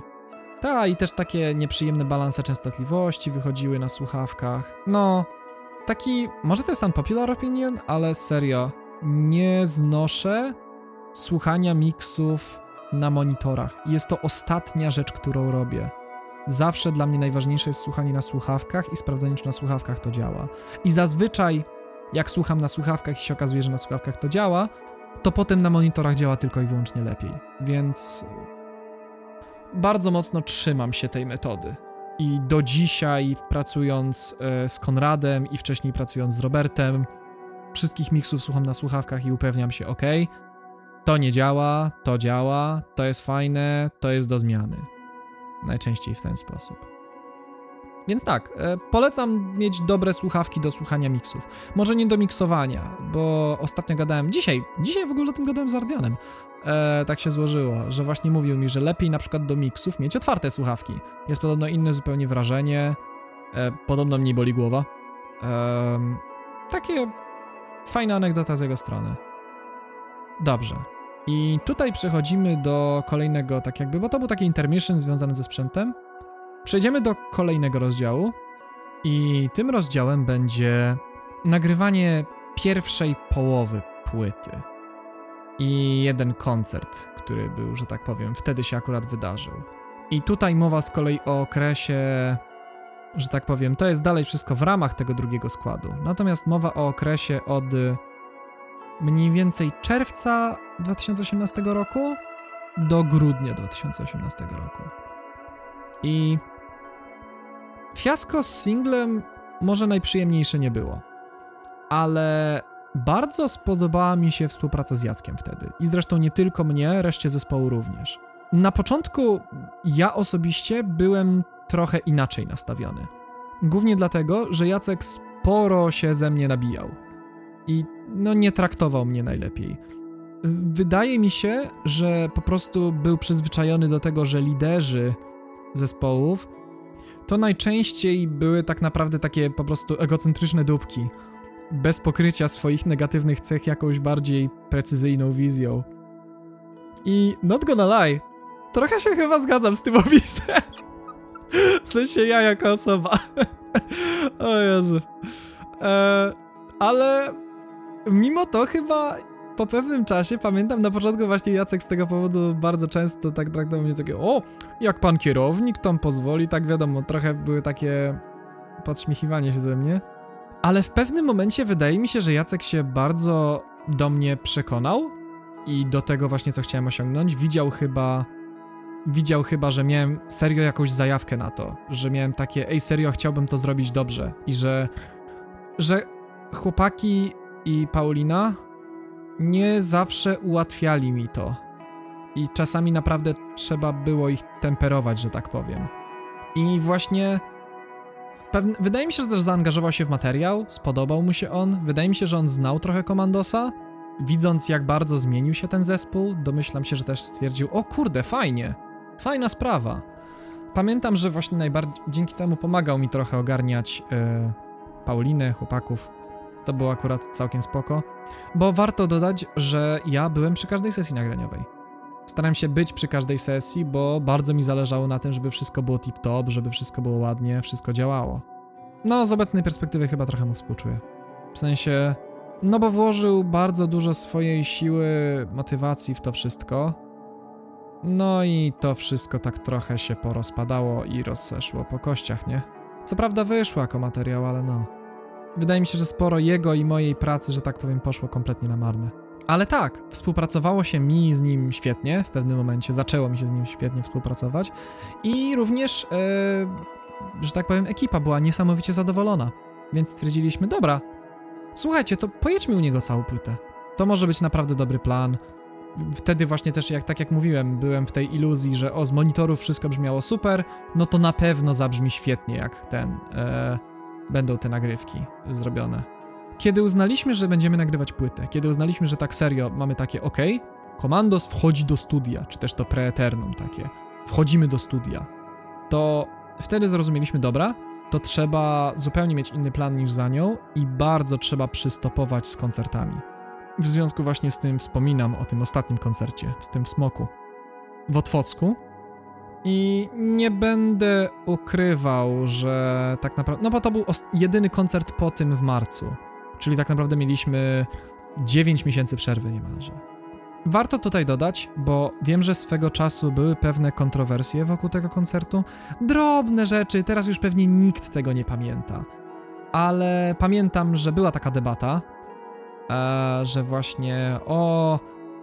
Wo, my zagraliśmy w Smoku i jakby oczywiście tak to było po znajomości. To było tak, że Paulina znała właściciela klubu i ogarnęła to. Natomiast pamiętam, że właśnie potem wkurzali się różni ludzie typu White Highway, które chciało zagrać w Smoku i pamiętam, że właściciel klubu im powiedział a wy trochę za malutcy jesteście na to, a potem były śmiechy, a przecież Commandos wcale nie jest większym i bardziej znanym zespołem i lepiej grającym. No spore takie wiadro pomyj na nas spadło wtedy, pamiętam. A czy słusznie, czy niesłusznie, no to wyrąbane, nie? To było dawno temu. Natomiast... Yy... O Jezu, no, sorry, uh, I guess. Nie wiem, czy mogę przepraszać w imieniu tamtego składu. Pewnie nie. Tak czy siak, szczerze, każdy, kto o tym myśli, nie, nie, serio nie jest jakoś bardzo warto, jakbyście się zastanawiali. W sensie, Smok nie jest jakimś super klubem. Absolutnie szczerze. Jeśli ten właściciel Smoka tego słucha, no przepraszam, panie właścicielu klubu Smok. E, pana klub nie jest jakimś super klubem. Grałem tam i grałem w klubach warszawskich, teraz grałem ostatnio w Voodoo w Potoku. I jak przypominam sobie koncert w Smoku, to nie był to ani najlepiej nagłośniony koncert, nie była to również najlepsza sala, była dosyć mała. E, rozumiem, że to było fajne, jak się jest nastolatkiem w Otwocku i nie wiem, gra jakimś cudem tam turbo, e, to wtedy pewnie to jest wow i vibe i w ogóle. Ale jak się z muzykiem grając tam na scenie, to jest troszkę takie rozczarowanie. Tak, i wracając do nagrań w takim razie, bo do koncertu przejdę, ale to za dłuższy czas, tak dokładniej w szczegółach. E, uznaliśmy, że dobra, no będziemy kontynuować nagrania Priesta, a także spróbujemy wziąć się za kolejne numery, czyli Angela i Memrys. Planowanie ich w tej kolejności było nie bez powodu. Ja bardzo chciałem nagrać wszystko w miarę, że tak powiem, roz... Chciałem użyć jednego basu przez pierwsze nagrania, a potem dopiero kolejnego, a właśnie Angela i Memrys grałem na Squire'ze i chciałem przy tym pozostać. I Prista skończyło się, że też grałem na Squire'ze, więc idealnie się złożyło. Mogłem dzięki temu też trochę zaoszczędzić na strunach, chociaż mam wrażenie i biję się za to w pierś, bo pewnie sporo osób, znaczy sporo osób mnie za to wyśmieje i bardzo słusznie. Wydaje mi się, że nie nagrywałem wtedy na świeżych strunach. Niestety. Może, chociaż nie jestem pewien, czy na Angela nie zmieniłem strun. Ale no, nie mam pojęcia. Nie mam pojęcia. Wydaje mi się, że nie wydaje mi się, że i tak nagrywałem na starych stronach, więc no, wiadomo, cringe. Ale trudno. No i studio chyba okazało się dosyć ciężkim środowiskiem w pozorom dla ekipy. W sensie pamiętam, że o ile ja i Kredek radziliśmy sobie nawet dobrze, Kredek po prostu przychodził, wbijał utwór, tak naprawdę wychodził. Czasami musiał to robić tylko na kilka take'ów. Ja podobnie. Też zazwyczaj wbijanie basu to była bardzo prosta rzecz dla mnie ale dla reszty nie było tak łatwo. Gitarzyści mieli strasznie ciężko ze mną. Ja pamiętam, że wiecznie byłem niezadowolony z tym, jak nagrywali, jak brzmiały ich palmiuty, e, a byłem bardzo surową wtedy osobą. Bardzo. Bardzo byłem wtedy zafiksowany na tym, że musi być wszystko idealnie, a jednocześnie właśnie upierałem się przy głupotach, o których wcześniej mówiłem, żeby dwie różne osoby nagrywały rytmy. Najgorzej znosił tą presję właśnie Stach, bo najbardziej jakby obrywał, że tak powiem, tak mi się wydaje, a jednocześnie trochę to nie była jego wina. W sensie, naprawdę on mógł nam powiedzieć i powinien był powiedzieć, i powinienem ja był to powiedzieć, a nie on. Ej, słuchajcie, niech Balcer nagra wszystkie rytmy. Eldo, koniec tematu, w ogóle nie byłoby żadnego problemu. E, Metallica tak zrobiła, Hetfield nagrywał wszystkie rytmy, e, Kirk nagrywał solówki. Eldo. E, I my powinniśmy byli zrobić tak samo. On z tym stratem zresztą też miał właśnie dodatkowo podgórkę, no nie? Przez te single. I pamiętam, że no ta presja narastała z kolejnymi nagraniami. Pamiętam, że to wszystko się działo jakoś na przestrzeni. To wszystko się działo jakoś na przestrzeni, właśnie tak jak mówiłem, czerwca, grudnia. I wydaje mi się, że Angela zaczęliśmy nagrywać jakoś. Stach mi mówił, że to był chyba wrzesień. Coś jakoś w tamtym okresie nagrywaliśmy te właśnie dwa pozostałe utwory. Pamiętam, że tak jak, nie wiem, mi to wychodziło prosto. Bas nie jest, prost, nie jest trudnym instrumentem do nagrania. Proszę, uwzględnijmy to, że wydaje mi się, że gitarzyści mieli dużo cięższą robotę niż ja. Ja miałem serio jedną z najprostszych robót. I nie, nie ciężko było ją odbębnić. Łatwo było przyjść, napierdzielać jak najmocniej w struny palcami, eldo, wyjść. E, a i tak były pomyłki. Ja potem jak słucham, do dzisiaj jak słucham tej płyty, to słyszę, że niektóre ścieżki są niewyrównane, bo prosiłem Roberta, żeby ich nie wyrównywał. I słychać tam, że bas się rozmija z gitarami miejscami i to wcale nie musi być wina gitar, to może być wina moja. I pamiętam, że właśnie w listopadzie Stanisław, zresztą no, konsultując to z nim, w listopadzie Stachu powiedział, że ma już dość i że rezygnuje z grania w zespole. Że już nie chce z nami grać, że. Pamiętam, że spotkaliśmy się wtedy na rozmowę na salce i gadaliśmy. Kawałek naprawdę pewnie z godziny albo nawet dłużej. I nawet próbowaliśmy go przekonywać, że nie no stary, no to może po prostu nagrywaj na tym dinie Balcera, coś. Wydaje mi się, że Stach już był bardzo taki, no był zmęczony był, był zirytowany tym wszystkim i miał już tak szczerze dosyć i wiedział już, domyślam się, że on też właśnie wychodził z założenia, że nie, to, to się nie poprawi, że to wbrew pozorom nie z nim jest tak bardzo coś nie tak, tylko też z naszym nastawieniem. Naszym w sensie, no głównie pewnie moim. Natomiast też właśnie chłopaków, którzy i tam Pauliny, którzy też właśnie na niego naciskali, że nie no czemu sobie nie radzisz, no dawaj no. No nie. I po prostu stwierdził, że nie, nie, nie, nie, nie, nie ma w ogóle opcji. E, ja nie chcę już w tym, w, tym, w tym cyrku siedzieć. Udało się aczkolwiek namówić go, Balcer go namówił jeszcze, żeby zagrał z nami w grudniu właśnie ten koncert w Smoku. I zagrał więc bardzo miło z jego strony właśnie tak, z perspektywy czasu myślę, że Stach serio zachował się niesamowicie porządnie. Że jakby wiedział, kiedy to wszystko zaczyna się zmieniać w toksyczne środowisko, które nie jest dla niego korzystne. I, ale wiedział też, że okej, okay, nie mogę zostawić chłopaków na lodzie. Nie mogę kompletnie się na nich wypiąć. No i tak zrobił. Chwała mu za to. Absolutnie szczerze. Teraz pora na kolejny rozdział trzeci skład.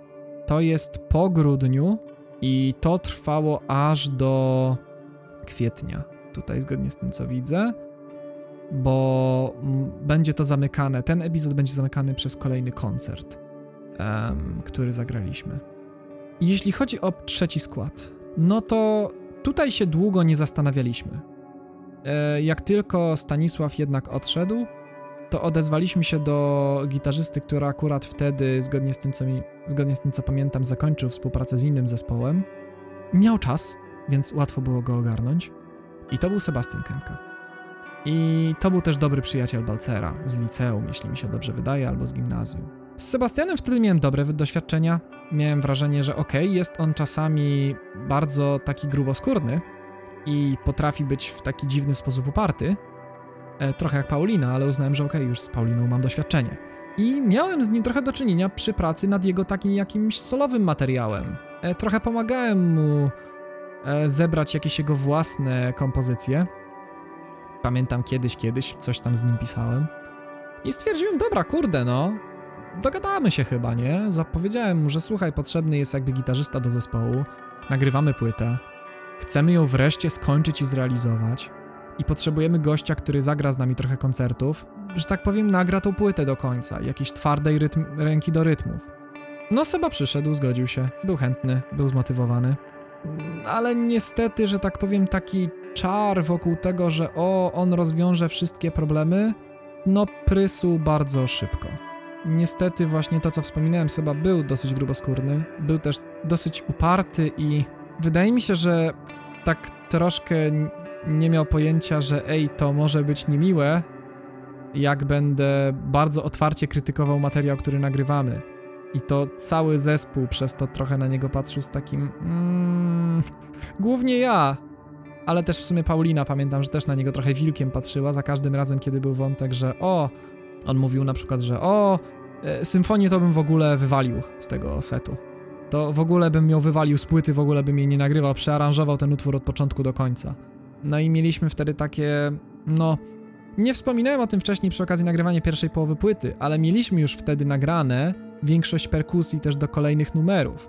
Mieliśmy już wtedy, zgodnie z tym, co mi się wydaje, nagrane bębny do Beyonda i chyba też do Spiders, ale mogę się mylić.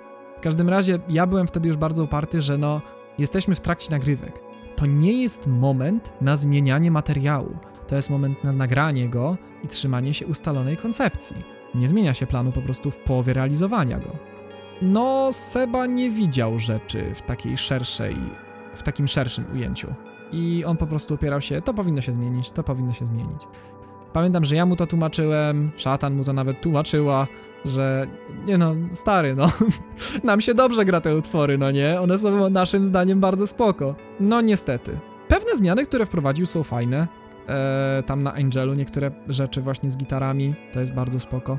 Było tak, że tak naprawdę jak się go przycisnęło trochę i jak e, właśnie powiedziało się, dobra, e, skup się, nagrywaj, nie ma odpływania, jedziemy, jedziemy z tematem. Jak, jak on wszedł w ten mindset, to nagrywał i nagrywał bardzo dobrze. Nagrał bez problemu wtedy Angela, nagrał Memrys bardzo szybko, z Priestem też sobie naprawdę dobrze poradził. Pozostałe utwory nie ma problemu, po prostu je wbijał. Pamiętam, że był drobny problem z Beyondem i wbiciem go, ale to się okazało, że po prostu bardzo nierówno zagrał Tomy Kredzio na wejściu do riffu i to tak naprawdę sprawiało, że żaden gitarzysta sobie nie mógł z tym poradzić. Też bardzo tutaj pomocny był Jacek. Bardzo wtedy Jacek już był dosyć mocno zaangażowany w projekt i rozumiał, jak ciężkie są problemy takiego zespołu, który właśnie próbuje, że tak powiem, utrzymać się na powierzchni mimo, mimo właśnie zmian składu zazwyczaj kiedy Seba zaczynał coś tam odwalać, to Jacek też go temperował i mówił, nie no, skup się, jedziemy, nagrywamy, koniec. Nie ma czasu na jakieś dziwne zmiany, nie ma czasu na jakieś dziwne rzeczy. Oni są w studiu, oni nagrywają materiał i powinieneś im w tym pomóc. I to było super. Dzięki temu, że tak powiem, udawało się to trochę ogarnąć. Niemniej, jedną rzecz wydaje mi się, że zawdzięczam trochę sobie – on był kolejnym naprawdę mocnym takim gwoździem do tego, żeby wreszcie przeforsować zmianę nazwy. Że wreszcie wyperswadować, bo wcześniej Balcer dosyć mocno, o ile tak naprawdę w teorii oddał pałeczkę mnie, to jak przychodziło do tematu właśnie zmiany nazwy i zmiany wizerunku, to był niesamowicie uparty, żeby zostać przy komandosie. Mówił, że komandos to marka, że powinniśmy się jej trzymać, stworzenie kolejnej od zera będzie masakrycznie ciężkie, tak, i zgadzam się z tym, ale to jest e, miecz obosieczny. To jest tak, że my dalej graliśmy pod marką Commandosa, która już nikomu nie kojarzyła się z dobrą muzyką i teraz przestawała się kojarzyć z e, takimi prostymi, energetycznymi showami, showami na żywo. E, bo muzyka stała się bardziej, co prawda dalej była taka dalej łubu-dubu tak zwane, ale było to jednak już bardziej techniczne, było cięższe e, i mniej takie, o, nie wiem, takie, że o, sobie poskaczesz, narąbiesz się i, i tak dalej. Wbrew pozorom to się stał ambitniejszy heavy metal, bardziej techniczny. I Seba pomógł to przeforsować. E, Seba, Paulina wtedy właśnie to był ten jeden z e, momentów, gdzie faktycznie to, że byli dosyć charyzmatyczni i wreszcie pomogli mi przekonać Balcera i powiedzieć mu: Balcer to nie działa. To trzeba zmienić. To trzeba zmienić na Eternum. Co prawda wtedy jeszcze nie mieliśmy pomysłu na tą nazwę. Pamiętam, że była na ten temat jakaś dyskusja. Ja chyba wtedy byłem w ogóle na jakimś wyjeździe. Już nie pamiętam tego nawet do końca jakoś dobrze. Ta, ja chyba wtedy w ogóle byłem na. Chyba wtedy pojechałem w Bieszczady ze swoją jeszcze doczesną dziewczyną. I tak, pamiętam, że właśnie mieliśmy dyskusję na ten temat z zespołem, jaką nazwę dać. I pamiętam, że właśnie ja sugerowałem, że fajnie by było, gdyby to było coś kojarzącego się z wiecznością, e, z eterem i właśnie z jakimś takim monumentem. I szukaliśmy przez to różnych nazw właśnie takich Eternal, Eternal Monument, coś tam było, jakieś takie. Ostatecznie właśnie padło na Eternum i stwierdziliśmy, że to fajna nazwa, że to będzie lepsza nazwa, będzie lepiej oddawać tą muzykę, jej brzmienie. I przede wszystkim była niezajęta. to trzeba być brutalnie szczerym, ale niestety główny, głównie to był powód. I pamiętam, że dyskusje na ten temat były jeszcze w 2018 bo pamiętam, że projektowałem właśnie wtedy ze swoją dziewczyną doczesną logo i najwyraźniej już wtedy zaczęliśmy pracować w takim razie z sobą. Ale dopiero tak naprawdę po 2019, a raczej w 2019 zaczęliśmy wprowadzać jakby to przebranżowienie i zmianę. Wtedy właśnie wpadliśmy na tę taką akcję, taką quasi-marketingową, że robimy pożegnalny koncert, komando skończy działalność i chcieliśmy wystartować z takim przytupem jako to Eternum. I jeśli chodzi o koncert, no to był on w Potoku 26 kwietnia i właśnie nim organizacją w tym przypadku mieli zająć się Paulina i Seba, bo chciałem dążyć do takiego podziału zadań w zespole, że ja się zajmowałem e, studiem i tym, żeby wszystko w studiu się działo, oraz e, kompozycjami, spójnością, nagrywaniem. To wszystko jakby ja organizowałem, menagowałem, I guess. Balcer pomagał mi trochę z takimi właśnie Balcer pomagał trochę w takich organizacyjnych sprawach i służył poradą jakby, bo miał w tym największe doświadczenie. Eee, I stwierdziliśmy, że dobra, no to Seba i Paulina, wy spróbujcie w takim razie zająć się na przykład managementem koncertów. A Kredek miał się chyba zajmować socialami ale pewności nie mam. Chyba Seba też się trochę tym zajmował. Coś takiego było. Pamiętam, że on ogarniał przynajmniej Instagrama dobrze.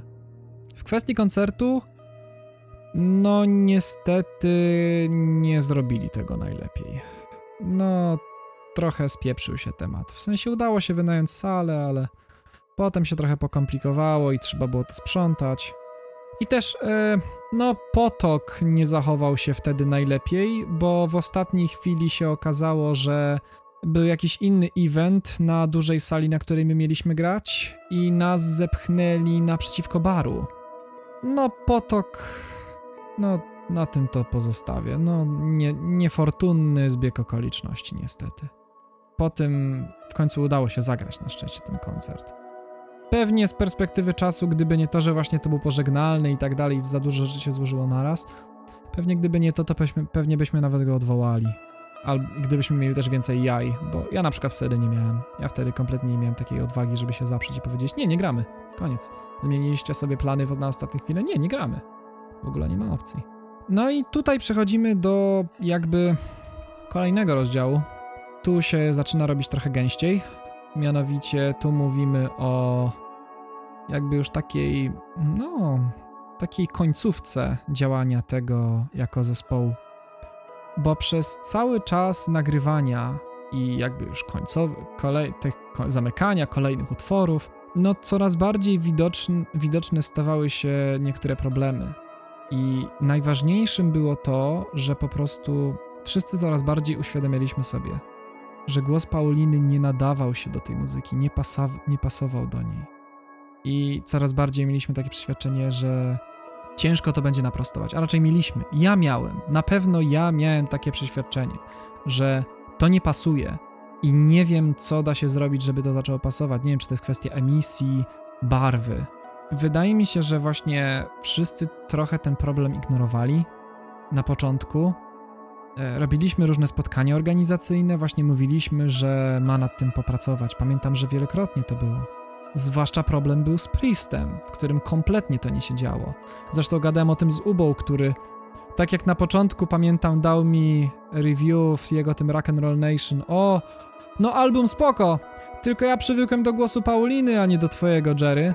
Po czym e, pokazał mu Z chyba e, wersję Priesta nagraną z Pauliną i miał takie No dobra, eee, myliłem się. no właśnie wtedy był problem z tymi rzeczami i ja już niestety wtedy miałem przeświadczenie, ja, zresztą no ja byłem dosyć pesymistycznie nastawiony do tych rzeczy. Warto dodać, że wtedy nie byłem też w najlepszym miejscu życiowo, e, bo to był 2019 i wtedy rzuciła mnie moja do, doczesna wtedy dziewczyna, więc no powiedzmy, że nie byłem w najlepszym stanie, tak ogółem. Miałem takie wtedy bardzo silne przeświadczenie, że to, to nie wypali i że Pauliny się nie uda naprostować, że to jest problem na miesiące, a nawet e, rok, może nawet więcej ćwiczenia, wydobywania emisji, a nawet jeszcze czegoś innego, bo wydaje mi się, że u Pauliny to się działo trochę trochę w jej psychice, tak szczerze. Ona w jak psychice chyba miała po prostu blokadę jakąś i nie mogła po prostu śpiewać tak mocno, jak, jakby mogła, I guess. Jakby tak na serio mogła. Pamiętam też, że wtedy zaczynałem grać e, z Havenward, trochę przez Jakuba i Ardiana, z którymi utrzymywałem wtedy kontakt. Coraz bardziej stawałem się takim gear i interesowałem się coraz bardziej nagrywaniem w domu wydaje mi się, że też skłoniło mnie do tego, skłoniły mnie do tego frustracje w związku z tym, że potrafiłem iść do studia do Jacka z Pauliną albo właśnie z chłopakami od gitar. Naprawdę potrafiły być takie dni, że nic nie nagraliśmy. Że wydaliśmy 60 zł na absolutnie nic. Po to, żeby się tylko sfrustrować. I nie ukrywam, że to coraz bardziej mnie dobijało. I w pewnym momencie pamiętam na chyba ostatnim takim spotkaniu organizacyjnym tego zespołu, w całym składzie. U, chyba to było u Seby chyba e, takim, pamiętam, że siedzieliśmy sobie po prostu w ogrodzie e, tam w jego domu. I zaproponowałem, pamiętam wtedy, że po prostu słuchajcie, to może na singla damy Priesta z moim wokalem. I nagrałem właśnie się gdzieś po drodze jakby do tego wszystkiego. Były też plany wydania jak na singla Spiders e, z mieszanymi wokalami moimi i Pauliny. I Jezus Maria, całe szczęście, żadna z tych rzeczy nie przyszła. O mój Boże, jak sobie teraz pomyślę, że to wydostałoby się w sieć, to tak naprawdę ten projekt też byłby już spieprzony do reszty. Um, to już pewnie no. Znaczy, też no oczekiwanie, że ktokolwiek tego jakoś bardziej słucha, nie, ale i że kogokolwiek by to obchodziło, zwłaszcza w obecnych czasach. Ale no wtedy chyba byłem bardzo wrażliwy na ten temat. Teraz z perspektywy czasu to mam takie, a pewnie by to zniknęło, pewnie mógłbym to usunąć, yy, nie wiem, i wydać oryginalną tą wersję, co teraz zrobiłem i pewnie nikt by nie zauważył różnicy. Nikt by nawet nie zauważył, że coś zniknęło. Bardzo byłem też, pamiętam, sfrustrowany właśnie w związku z tamtym zerwaniem, w związku z tym, że zespole wszystko stoi w miejscu. Bardzo takie frustracje we mnie narastały. Byłem bardzo, coraz bardziej podenerwowany na tą całą sytuację. W pewnym momencie jakby miałem wrażenie, że wszyscy ignorowali trochę ten problem. Tak jak mówiłem wcześniej, miałem wrażenie, że ignorowali wszyscy ten problem. Więc po prostu uznałem, że wezmę sprawę w swoje ręce. I w lipcu e, spotkałem się z Pauliną. Tak jakby stwierdziłem, dobra, dam jej ostatnią szansę. I po prostu ponagrywam z nią na salce. E, rozstawiłem swój sprzęt, kupiłem sobie wtedy właśnie Focusrite'a, miałem Shure SM58, zupełnie wystarczający pop filter. E, salka była dosyć dobrze wygłuszona, więc nie było problemu. I powiedziałem mi, słuchaj, dobra, e, rozluźnij się, rozgrzej się trochę wokalnie, ja się rozgrzeję z tobą i ponagrywaj i zobaczymy, jak ci pójdzie. No i kolejne tejki, kolejne tejki. Ja tego słucham. Tym razem miałem słuchawki, więc już nic mnie nie oszukiwało. Żadna głośność, żadne rozpierdzielone monitory ee, na maksa. I słuchałem tego i miałem coraz bardziej takie, okej, okay, no chyba z tym naprawdę nic się nie da zrobić. Dawałem jej różne porady. Zrozumiałem, że to nie jest coś, co da się naprawić naprawdę szybko. To nie jest coś, co da się naprawić tak hop -siup a my chcieliśmy tę płytę naprawdę wydać już zaraz. Była taka presja czasu, była ewidentna presja czasu, dobra, trzeba to wydać. Trzeba zrobić ten materiał, zamknąć go i miksować. Kiedy zrozumiałem, że to nie ma sensu, to po prostu stwierdziłem, dobra, chodź, e, tam pójdziemy na spacer, pogadamy sobie. Zabrałem ją na ten spacer, chyba z dwie godziny żeśmy chodzili i gadali. Wytłumaczyłem jej wszystko po prostu po kolei. Na początku mega była oporna, ale potem stwierdziła, dobra, dobra, chyba rozumiem stwierdziłem, że słuchaj, po prostu zrobimy tak, że ja zaoferowałem też jej, że pomogę jej ogarnąć własny zespół, że ona we własnym zespole coś będzie robić i że chętnie jej pomogę to ogarnąć, jeśli tylko będzie, że tak powiem, ona to wszystko trzyma. I wtedy też mówiłem jej to, pamiętam, pod kątem takiego załóż własny zespół, to zrozumiesz wtedy, przed jakimi ja decyzjami i wyborami i problemami musiałem stawać, prowadząc między, e, z tobą rozmowy, między innymi takie jak ta teraz. Pamiętam, że wtedy zaznaczałem jej to wielokrotnie, że to nie jest dla mnie przyjemne, że ja nie lubię takich rzeczy, ale że są one konieczne, że po prostu nie ma innej metody, żeby to popchnąć do przodu, a aktualnie to wszystko będzie. Mówiłem jej, że te frustracje będą narastać, że w pewnym momencie ona będzie coraz bardziej się gryzła nie tylko ze mną, ale i z chłopakami. I teraz jest szansa rozstać się we w miarę pozytywnych relacjach i jest szansa, że, że tak powiem, nie zagryziemy się ze sobą nawzajem. Jakkolwiek to dziwnie brzmi, ale tak, no. Że będziemy zdolni ze sobą jeszcze kiedyś o tym pogadać. I w końcu chyba to zrozumiała. Potem, co prawda, niestety, tak jak miałem nadzieję, że wszystko się ładnie potoczy, nie potoczyło się. Nagle, wydaje mi się, że Paulina jednak miała to do mnie pretensje. Przez pewien czas przynajmniej. I pamiętam, że zrobiła, mi, zrobiła o to sporą aferę ze swoim dotychczasowym chłopakiem. No i było o to trochę pretensji, było troszkę nerwów z tym, z tym wszystkim związanych. E, bardzo też rzucili się na mnie chłopaki o to, e, właśnie Seba i Kredek, że o, samowolka, e, że co to ja robię. Ale pamiętam, że wtedy byłem na tyle wściekły i na tyle czułem się oszukany, że po prostu stwierdziłem, że pierdzielę to i tak naprawdę ja równie dobrze mogę odejść z tego zespołu, jeśli to tak ma, jeśli to tak ma wyglądać. Tak naprawdę no, nie będę ukrywał, naprawdę wkurzało mnie wtedy niesamowicie, że chłopaki ignorowali ten problem i łudzili się, że sytuacja magicznie się naprawi. A najechali na mnie, kiedy ja miałem dość i wreszcie ten problem rozwiązałem. I nie wiem, czy. Nie, nie wiem, czego to jest do końca kwestia, ale no. Tak to wszystko wyszło. I ostatecznie na szczęście emocje opadły. Paulina po prostu odeszła, czy też, nie wiem, jak ktoś pewnie się upiera, może powiedzieć, że została wywalona z zespołu. A ja miałem przeświadczenie, że dobra, osiągnąłem swoje. To teraz po prostu wystarczy, że nagram wokale i jedziemy do przodu. I to da się ogarnąć. Żeby tylko, że tak powiem, zamknąć płytę. W pewnym momencie przestało być dla mnie ważne, że o, koncerty, granie na żywo. W pewnym momencie pierdzieliło mnie to, zwłaszcza, że byłem bardzo zrażony do grania na żywo po pewnym czasie. I nie podobało mi się to. Dopiero tak naprawdę niedawno serio zrozumiałem, że koncerty na żywo to może być fan. I zaczął to dla mnie być fan, kiedy na przykład ogarnąłem sobie odsłuch douszny.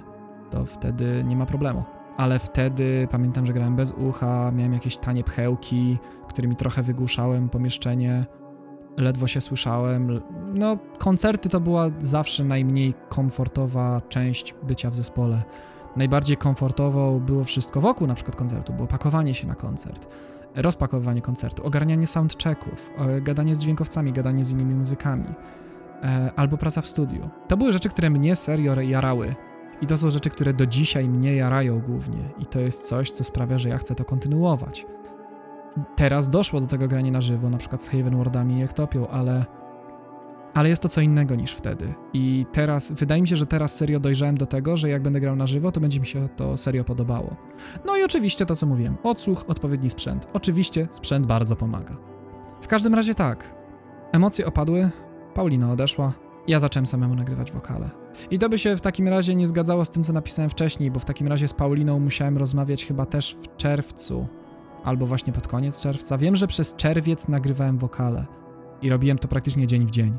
Przychodziłem na salkę po kilka godzin, aż do tak naprawdę zdarcia głosu. Wracałem do domu, odpoczywałem. No i następnego dnia dokładnie to samo. I chyba w ten sposób w trzy tygodnie czy coś takiego, może trochę więcej. Potem pewnie doszły mi jakieś zajęcia. Potem chyba w lipcu i w sierpniu pracowałem w ogrodach, jeśli dobrze pamiętam. Albo w sierpniu i wrześniu. Chyba w lipcu i sierpniu raczej. W czerwcu udało się dlatego. Wydaje mi się, że w czerwcu zamknąłem znaczącą większość wokali. Na początku było to dla mnie ciężkie, oczywiście, w sensie nagrywanie, bo musiałem się tak naprawdę oswoić ze swoim własnym głosem. Było to dla mnie wbrew pozorom niesamowicie nienaturalne słuchanie siebie raz po raz, stwierdzanie ok, to brzmi jak gówno, ale dopiero po pewnym czasie zrozumiałem, nie, to nie jest tak, że to brzmi jak gówno, ja po prostu jeszcze nie rozumiem, jak działa mój głos i jak go należy używać. To nie jest tak jak z basem, że nie wiem, masz go albo nie i możesz wymienić sobie humbuckery, możesz wymienić sobie na single, możesz wymienić sobie struny. E, głos masz taki, jaki masz. Możesz nauczyć się robić z nim inne rzeczy i to też oczywiście zacząłem robić, że właśnie zacząłem uczyć się robić chrypę, różne takie rzeczy. No, mniej bądź bardziej typowo heavy metalowe, ale działające. To jest najważniejsze.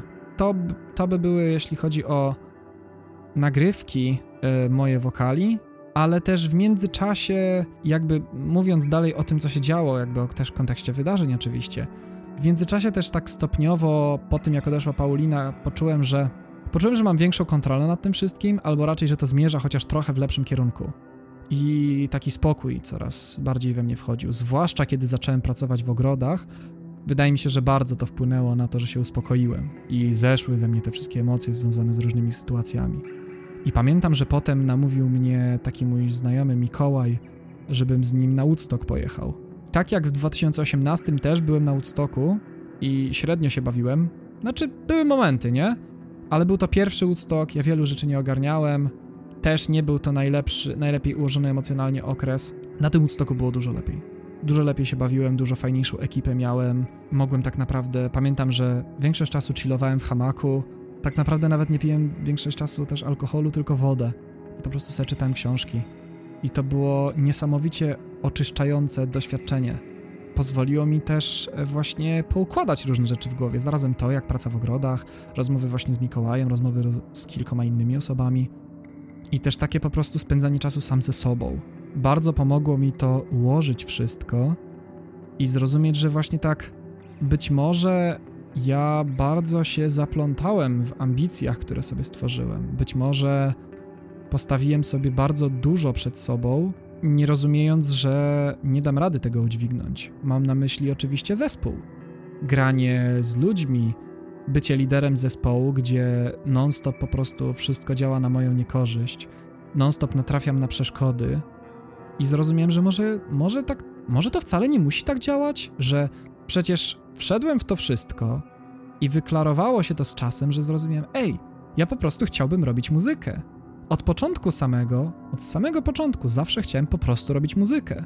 Zwłaszcza kiedy zrozumiałem, że potrafię ją robić, że jestem o dziwo, potrafię być kompozytorem, potrafię to robić. I zrozumiałem, ej, to by było super móc zrobić coś. I przecież ja już byłem blisko zrobienia czegoś. Byłem blisko zamknięcia nagrań na płytę.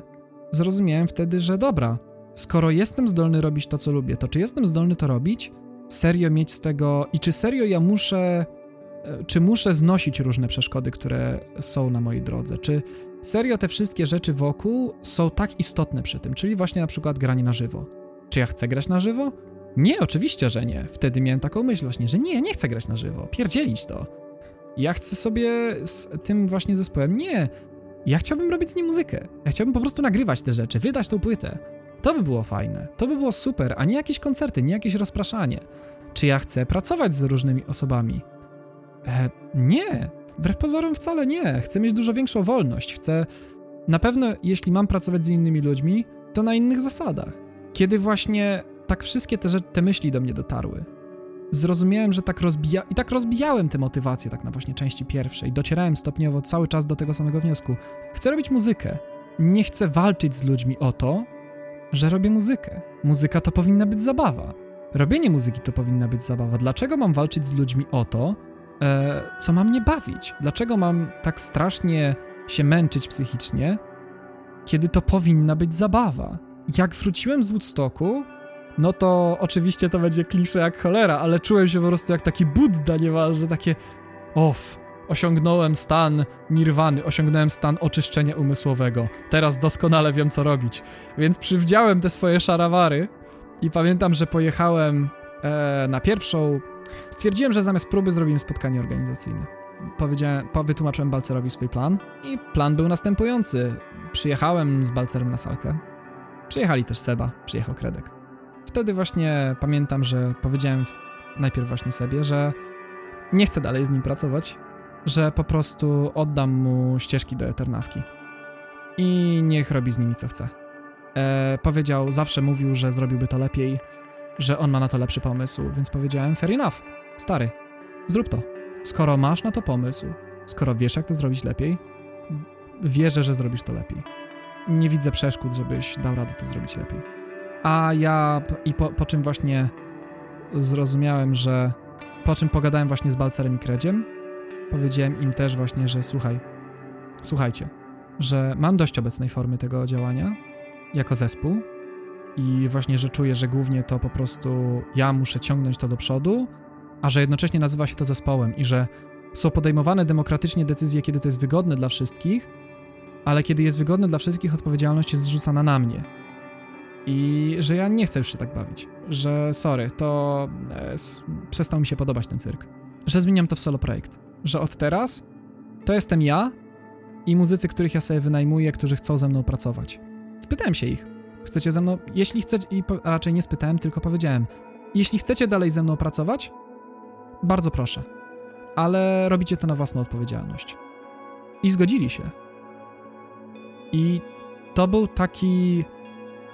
Ja chyba wtedy zrozumiałem, jak bardzo serio, że, że tak naprawdę wydaje mi się, że oni serio mi ufali. Że serio, wbrew pozorom, oni byli moimi przyjaciółmi przez ten cały czas. Kredek potrafił być zagubiony, nic nie ma w tym złego. Wiem, że on również wtedy przechodził przez różne dziwne fazy i nie zawsze czuł się najlepiej z wydarzeniami wokół i nie zawsze wiedział pewnie co myśleć.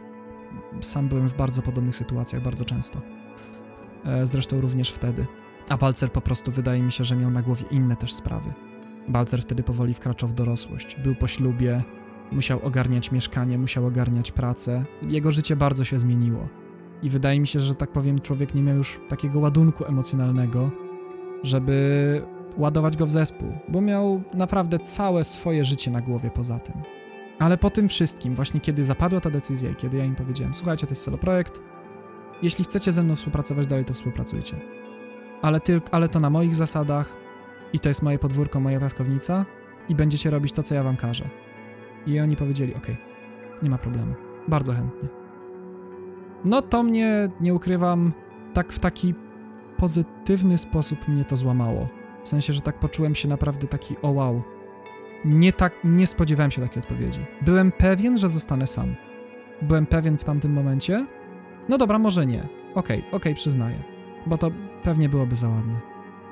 Ale miałem takie wrażenie, że nie przyjdzie im łatwo tego zaakceptować, że nie byłem pewny, czy serio oni się poczują z tym komfortowo. Ale o dziwo poczuli.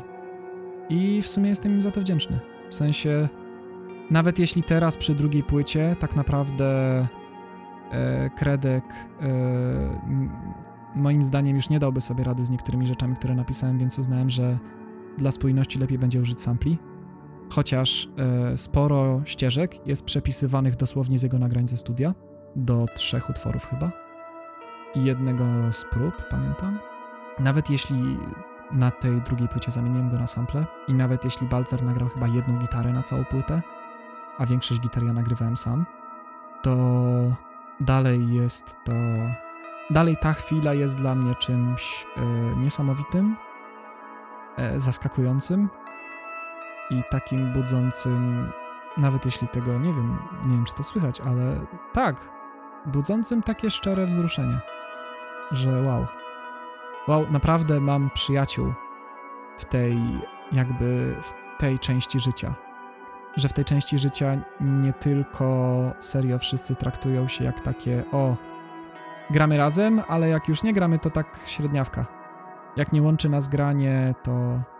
Znaczy, oczywiście, że tutaj też no, głównie łączy nas granie, ale że łączy nas na tyle mocno, że naprawdę jest to rodzaj takiej szczerej przyjaźni. I naprawdę zrozumiałem, że oni ufają mi, ufają mi że nawet jeśli to będzie moje podwórko i nawet jeśli to będzie moja piaskownica, to ufali mi, że ja ich potraktuję dobrze, że dalej będą mieli jakby ze mną fan z grania muzyki.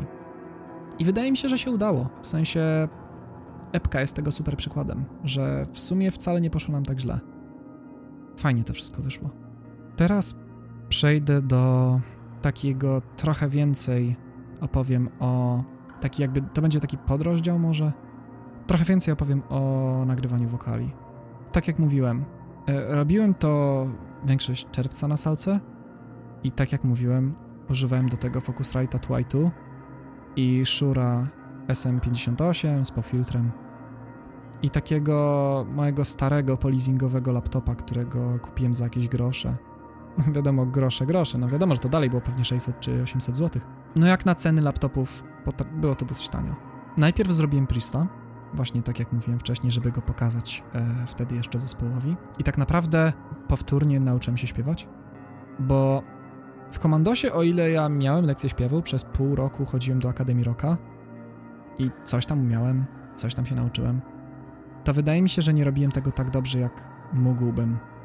Wielu rzeczy, tak naprawdę, wydaje mi się, że to serio nagrania na tą płytę pokazały mi samemu, do czego ja jestem zdolny. Dopiero wtedy odkryłem, że o, potrafię robić chrypę, o, potrafię robić też takie inne wokale, delikatniejsze, potrafię robić e, jakieś takie harmonie wymyślać. E, coś, co wbrew pozorom też, coś, co z Jackiem bardzo mocno forsowaliśmy. Jacek był wielkim fanem harmonii i on nam je sugerował w studiu. Warto to dodać. E, tak naprawdę od Jacka nauczyłem się trochę o pisaniu harmonii. Natomiast e, tak, odkryłem wtedy trochę swój głos na nowo i właśnie zrozumiałem, że tak, da się go polubić nawet. To nie jest zły głos. Zupełnie może dobrze zadziałać e, w tym kontekście i nie tylko w tym. Jak się później przekonałem, nagrywając właśnie, nie wiem, w Now Here, z Ardianem Screamy, czy w Havenward nagrywając różne backing wokale dla Artema. I tak, śpiewanie na scenie to jest to, co mówiłem, że ludzie, którzy mają doświadczenie na scenie, wcale nie będą się czuli tak pewnie w studiu, wbrew pozorom, bo jest to zupełnie inne doświadczenie. E, miałem jakby może takie delikatne przygotowanie do takiego samonagrywania siebie e, dzięki e, wizytom jakby z Pauliną u Jacka, no nie? Szybko, tak szczerze, mimo że na początku było ciężko i musiałem się jakby przekonać i nauczyć różnych rzeczy, naprawdę pokochałem z czasem self-recording.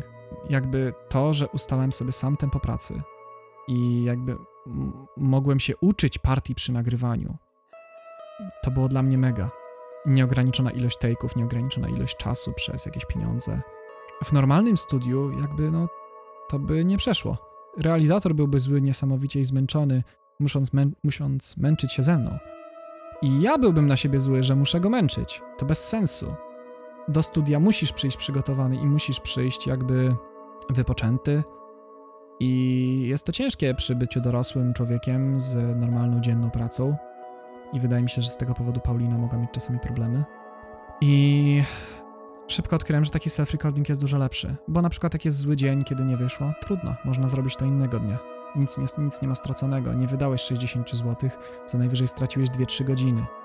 A czasami nawet mniej, to bardzo szybko się okazywało. Wystarczyło mi chyba kilka dni, żeby się wyćwiczyć. Trzy dni chyba wbijałem Priesta. Potem był Beyond. I pamiętam, że Beyond to był jeden dzień, kiedy była tragedia, a następny dzień, kiedy już tejki były dobre. Um, takie, że mi się wtedy podobały. Co prawda, potem była jeszcze jedna rewizja i jeszcze wiele rzeczy poprawiłem. E, ale no, wtedy na tej zasadzie to działało. I podobnie było chyba z resztą utworów, że czasami wchodziły od razu, czasami potrzebowałem jednego dnia rozgrzewki, czasami wychodziło tak, że pierwsze taki były złe, a potem już kolejne super.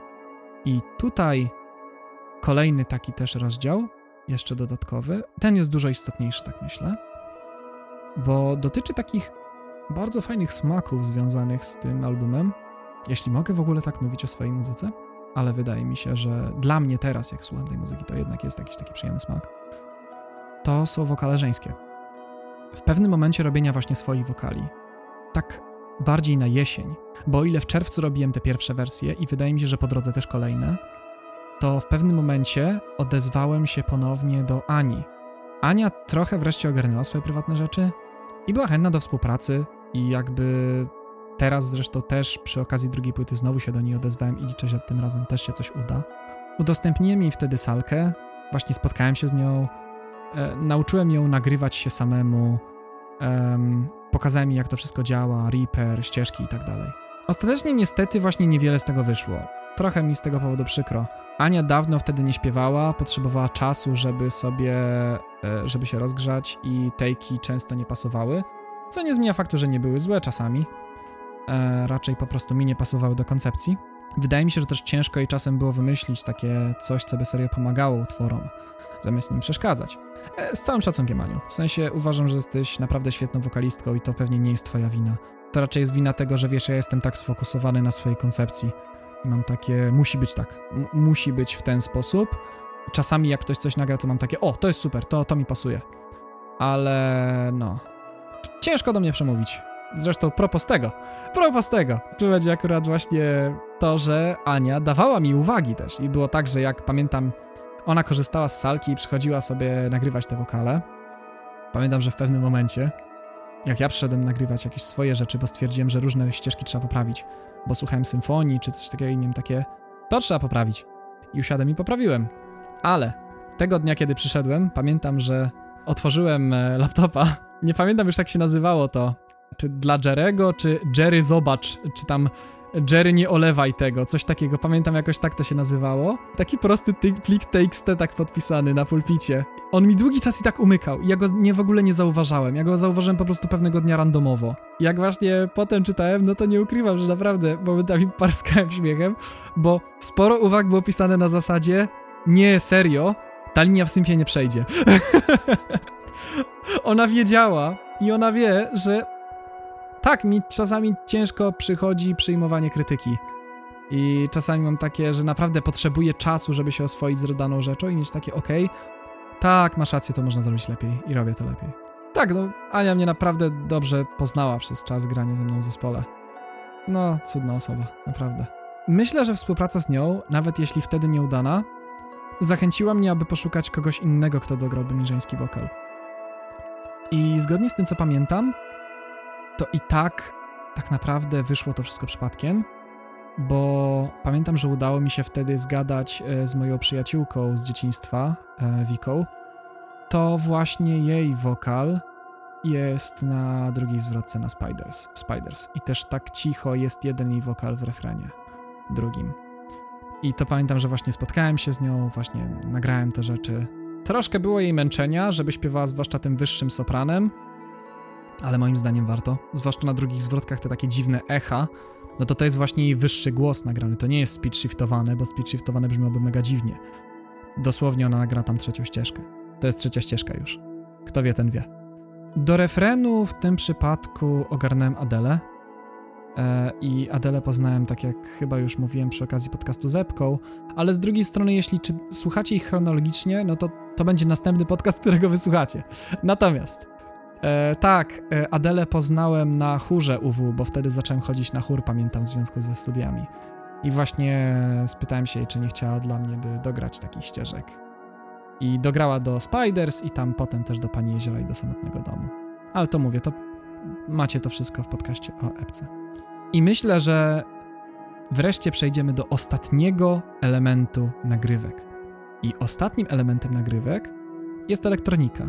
Ona nie pojawia się nigdzie poza dwoma utworami. E, bo już tak naprawdę w trakcie miksów, pamiętam chyba na to wpadłem, w trakcie miksów pierwszych utworów z płyty e, wpadłem na to i właśnie uznałem, że w Strongerze, słuchając Strongera, jego ścieżek i Habla, to były utwory, na których mi najbardziej zależało, żeby dobrze wypadły. Miałem po prostu, one były moim oczkiem w głowie i miałem takie, one muszą siąść, one muszą wyjść dobrze. A pamiętam, że gitary nie załatwiały tego tematu. Nie brzmiało to wystarczająco dobrze i miałem takie przeświadczenie, nie, to musi zabrzmieć, to musi siedzieć. I czym to rozwiązać? No uznałem, że bardzo właśnie może pomóc, żeby taki, w takim futurystycznym vibe tych utworów bardzo pomoże elektronika. Zrobiłem właśnie na tej zasadzie usiadłem i zacząłem uczyć się chyba przy okazji właśnie, to było przy okazji interfejsu. E, właśnie w interfejsie jakby dostałem takie, na, było napisane, że o, możesz tam przy okazji tego interfejsu na podstawie jego licencji ściągnąć e, sobie Abletona e, Lite. Co potem się dowiedziałem, że możesz go ściągnąć i bez tego interfejsu, więc wow, thanks Obama, ale no dobra. Ściągnąłem w takim razie tego Abletona i zauważyłem, że on ma bardzo przejrzysty interfejs, jeśli chodzi zwłaszcza o takie robienie sampli na szybko. I zacząłem programować w MIDI właśnie tę elektronikę. Tak naprawdę pamiętam, że ja w ogóle wziąłem po prostu MIDI z Hubla, wyrenderowałem po prostu GPK jako MIDI i Hubla i Strongera i po prostu przełożyłem e, MIDI e, właśnie przez jakieś samplery. W ten sposób otrzymałem tą elektronikę właśnie, na, wziąłem chyba kilka square wave'ów, właśnie takich leadowych e, do Strongera też pamiętam, że przy okazji nagrań epki poprosiłem Balcera, żeby nagrał tam rytm, który jej również gra tą samą melodię. E, taki, lejon, taki lejący się lead, że tak powiem. I właśnie podparłem go elektroniką, podobnie lidy na refrenach i inne. I w sumie jak teraz słucham, no to dzięki temu te utwory są takie... No ja do dzisiaj mam wow słuchając ich. Więc chyba się udało, chyba się udało. Podobnie z Hublem. W Hublu zaprogramowałem w ogóle taki ambient, że on nawet chyba sam z siebie się bronił. Jego można wypuścić spokojnie jako oddzielny track i muszę to chyba kiedyś zrobić. Chociaż musiałbym go przy tym dobrze zmiksować. Ale tak, on tam też jest w tle. I tak te bardzo mi się spodobało to w ogóle, jak właśnie majstrowałem przy tym. I przy takim jednym efekcie ambientowym, jak go automaty automatyką podwyższałem i obniżałem jego poziomy. Zauważyłem, że on w pewnym momencie klipował, tworząc takie gwizdy, co było dla mnie kosmiczne. Po prostu ja słuchałem tego z takim wow, to jest clipping, ale to brzmi bardzo ładnie. To brzmi jak, to brzmi jakby to było zamierzone. I zaprogramowałem to tak, że ten clipping właśnie w postaci takich gwizdów pojawiał się na przestrzeni tego ambientu. Zresztą potem sporo osób mi mówiło, że wow, te gwizdy są świetne w Hablu. One dodają takiego vibe'u temu. No, a to jest przypadek. Oczywiście, że to jest dzieło przypadku. Jakby inaczej. To po prostu jak, jak to zwykle z muzyką, nie? I to zamyka nagrania. E, wow, przebiliśmy się wreszcie przez to. Niestety, to nie zamyka podcastu. e, to jest dopiero początek. Mianowicie, znaczy nie, no nie początek, bez przesady. Przebiliśmy się przez większość. I teraz przejdziemy do rozdziału, który... O, to jest naj, jeden z najgorszych rozdziałów, bo to było przygotowanie ścieżek pod miksy. No i niestety, tak jak Jacek jest super osobą do pracy z nim w studiu i fajnie mi pomagał to wszystko jakby spiąć ładnie, jeśli chodzi o organizację członków zespołu, nagrywek, to niestety poza konsolidacją nie dokonał żadnej numeracji ani porządków w tych ścieżkach. Więc trzeba było wszystko poukładać, ponumerować i boy oh boy, wtedy zaczęły się problemy. Bo na przykład potrafiło być tak, że w kilku miejscach ścieżki były dziwnie poucinane. W Angelu na przykład gitary E, w jednym miejscu w ogóle była jakoś dziwnie ucięta i musiałem tam coś improwizować, kleić to po prostu, żeby to jakkolwiek sensownie brzmiało. Były natomiast też partie, które w ogóle okazało się, że nie zostały nagrane i na przykład w Beyondzie brakuje jednej takiej partii klinowej, której nie ma w ogóle. Tak samo nie ma w ogóle żadnej takiej partii zagranej e, w symfonii, która powinna tam być. No trudno, Wtedy nie pomyślałem, żeby je dograć. Mój błąd, powinienem był. Ale wtedy też jeszcze nie czułem się gitarzystą. Teraz też się nie czuję, ale teraz wiem, że dałbym radę je nagrać. I najgorsze chyba rzeczy to było na przykład Hubble czy Stronger, gdzie po prostu brakowało ścieżek, gdzie na przykład w Hubble'u na końcu był jeden rytm. To normalny nie double trackuje rytmów. Come on! To się robi. To jest normalna praktyka. No, ale dobra. Więc tak, była masakra. Pamiętam, że nawet w pewnym momencie faktycznie chyba się przemogłem i pamiętam, że sam dograłem drugi rytm do Strongera. Harmonię w Memrys udało mi się wydobyć od Jacka już w czasie miksów, ale dziwne było, że nie dostaliśmy jej w paczce na porządku, którą dostaliśmy. Chyba, że to Balcer przy swoich porządkach, bo Balcer mi pomagał przy porządkowaniu ścieżek. Najwyraźniej on też chyba ją przeoczył? Nie wiem. No, potworny bałagan był, tak absolutnie szczerze naprawdę było dużo sprzątania przed wypuszczeniem każdego utworu do miksu. Każdego. I taka rewizja, nawet dwie czy trzy rewizje, czy na pewno wszystkie ścieżki są dobrze zagrane, czy wszystko siedzi. Znaczy, dobrze. Czy na pewno wszystkie ścieżki są tam, gdzie trzeba, czy nie są pozamieniane, czy. No, żeby realizator nie złapał się za głowę po prostu. Zwłaszcza, że naprawdę zdarzały się ewenementy. Chyba największy atak głupawki pamiętam przy robieniu tych rzeczy. I to po prostu prawie spadłem z krzesła ze śmiechu. To było jak zobaczyłem, że na ścieżkach wokalu były fragmenty gitar. Były te gitary na klinie nagrane na Blackstarze. I to było na ścieżce wokalu. To było podpisane jako wokal. Albo w innym miejscu, właśnie na ścieżce gitar. I to jakiejś chyba, no nie rytmicznej, chyba na jakimś lidzie. Był wokal, po prostu Pauliny. Co? tak, to. To było bez sensu. Ale na szczęście udało się to ogarnąć, chociaż nie życzę nikomu takiego sprzątania, takiego bałaganu. Ludzie, porządkujcie ścieżki. I to tak w czasie nagrywania. Nie, nie odkładajcie tego na później. Serio. Serio, serio. Nie odkładajcie tego na później. Ach. I tu przechodzimy do kolejnego rozdziału, którym są miksy. No, te wszystkie rzeczy, o których mówiłem. Czyli nagrywanie wokali, e, łącznie z żeńskimi, sprzątanie ścieżek i jakieś dogrywanie ich ewentualnie pojedynczych. Pamiętam, że w Hablu też przecież dograłem jeszcze te tappingi na bokach, e, tą elektronikę robiłem i to wszystko łącznie, łącznie, łącznie. To zeszło do listopada albo nawet grudnia 2019 roku. Czyli nagrywanie tej płyty łącznie zajęło półtora roku. Bezsensownie długo, oczywiście, że tak. Wtedy przyszedł czas i zrozumieliśmy, dobra, to teraz trzeba dać to do miksów. I próbowaliśmy u Jacka wcześniej, akurat wtedy chyba w grudniu to on w ogóle musiał zwijać interes i już nie mógł e, nas miksować. Na, ale tak czy siak, ja i tak nawet wtedy nie chciałem iść do Jacka z miksami. Nie podobały mi się jego miksy Spiders, nie podobały mi się jego miksy Prista. I uznałem, znaczy ja uznałem, no spytałem się chłopaków, którzy już miksowali jakiś swój materiał, czyli Jakuba Wejdera z Havenward i on polecił mi realizatora, który pracował z nim nad jego materiałem w Soundforged. I to był Robert Wawro, który wcześniej e, pracował w HZ Studio. Teraz chyba miał własną działalność i częściowo był podpięty pod California Studio. Uznałem, że dobra. Zagadałem do niego. On napisał: Dobra, słuchaj, wyślij mi i ja ci zrobię premix i ocenisz. Dobra, dałem mu Prista i wtedy też właśnie dałem mu takie wytyczne, no tak typowy boomer alert, czyli o, e, nie kwantyzuj, e, nie, prze, nie rób takiego hamskiego sample replacementu, jeśli nie musisz, e, korekcji wokali, e, no wiadomo, taki typowy boomer talk. On wysłał mi potem wersję, po trzech tygodniach chyba. Brzmiało naprawdę dobrze, absolutnie szczerze, było tylko kilka poprawek właśnie przy poziomach wokali ale i tak trochę nad nimi zeszło i nad jakimś takim drobnym mankamentem.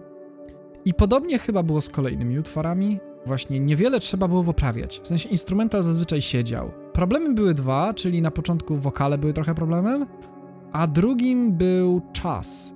Tak absolutnie szczerze, największym problemem z Robertem był czas. Trzeba było czekać 3 tygodnie albo nawet miesiąc, żeby zrobił mix.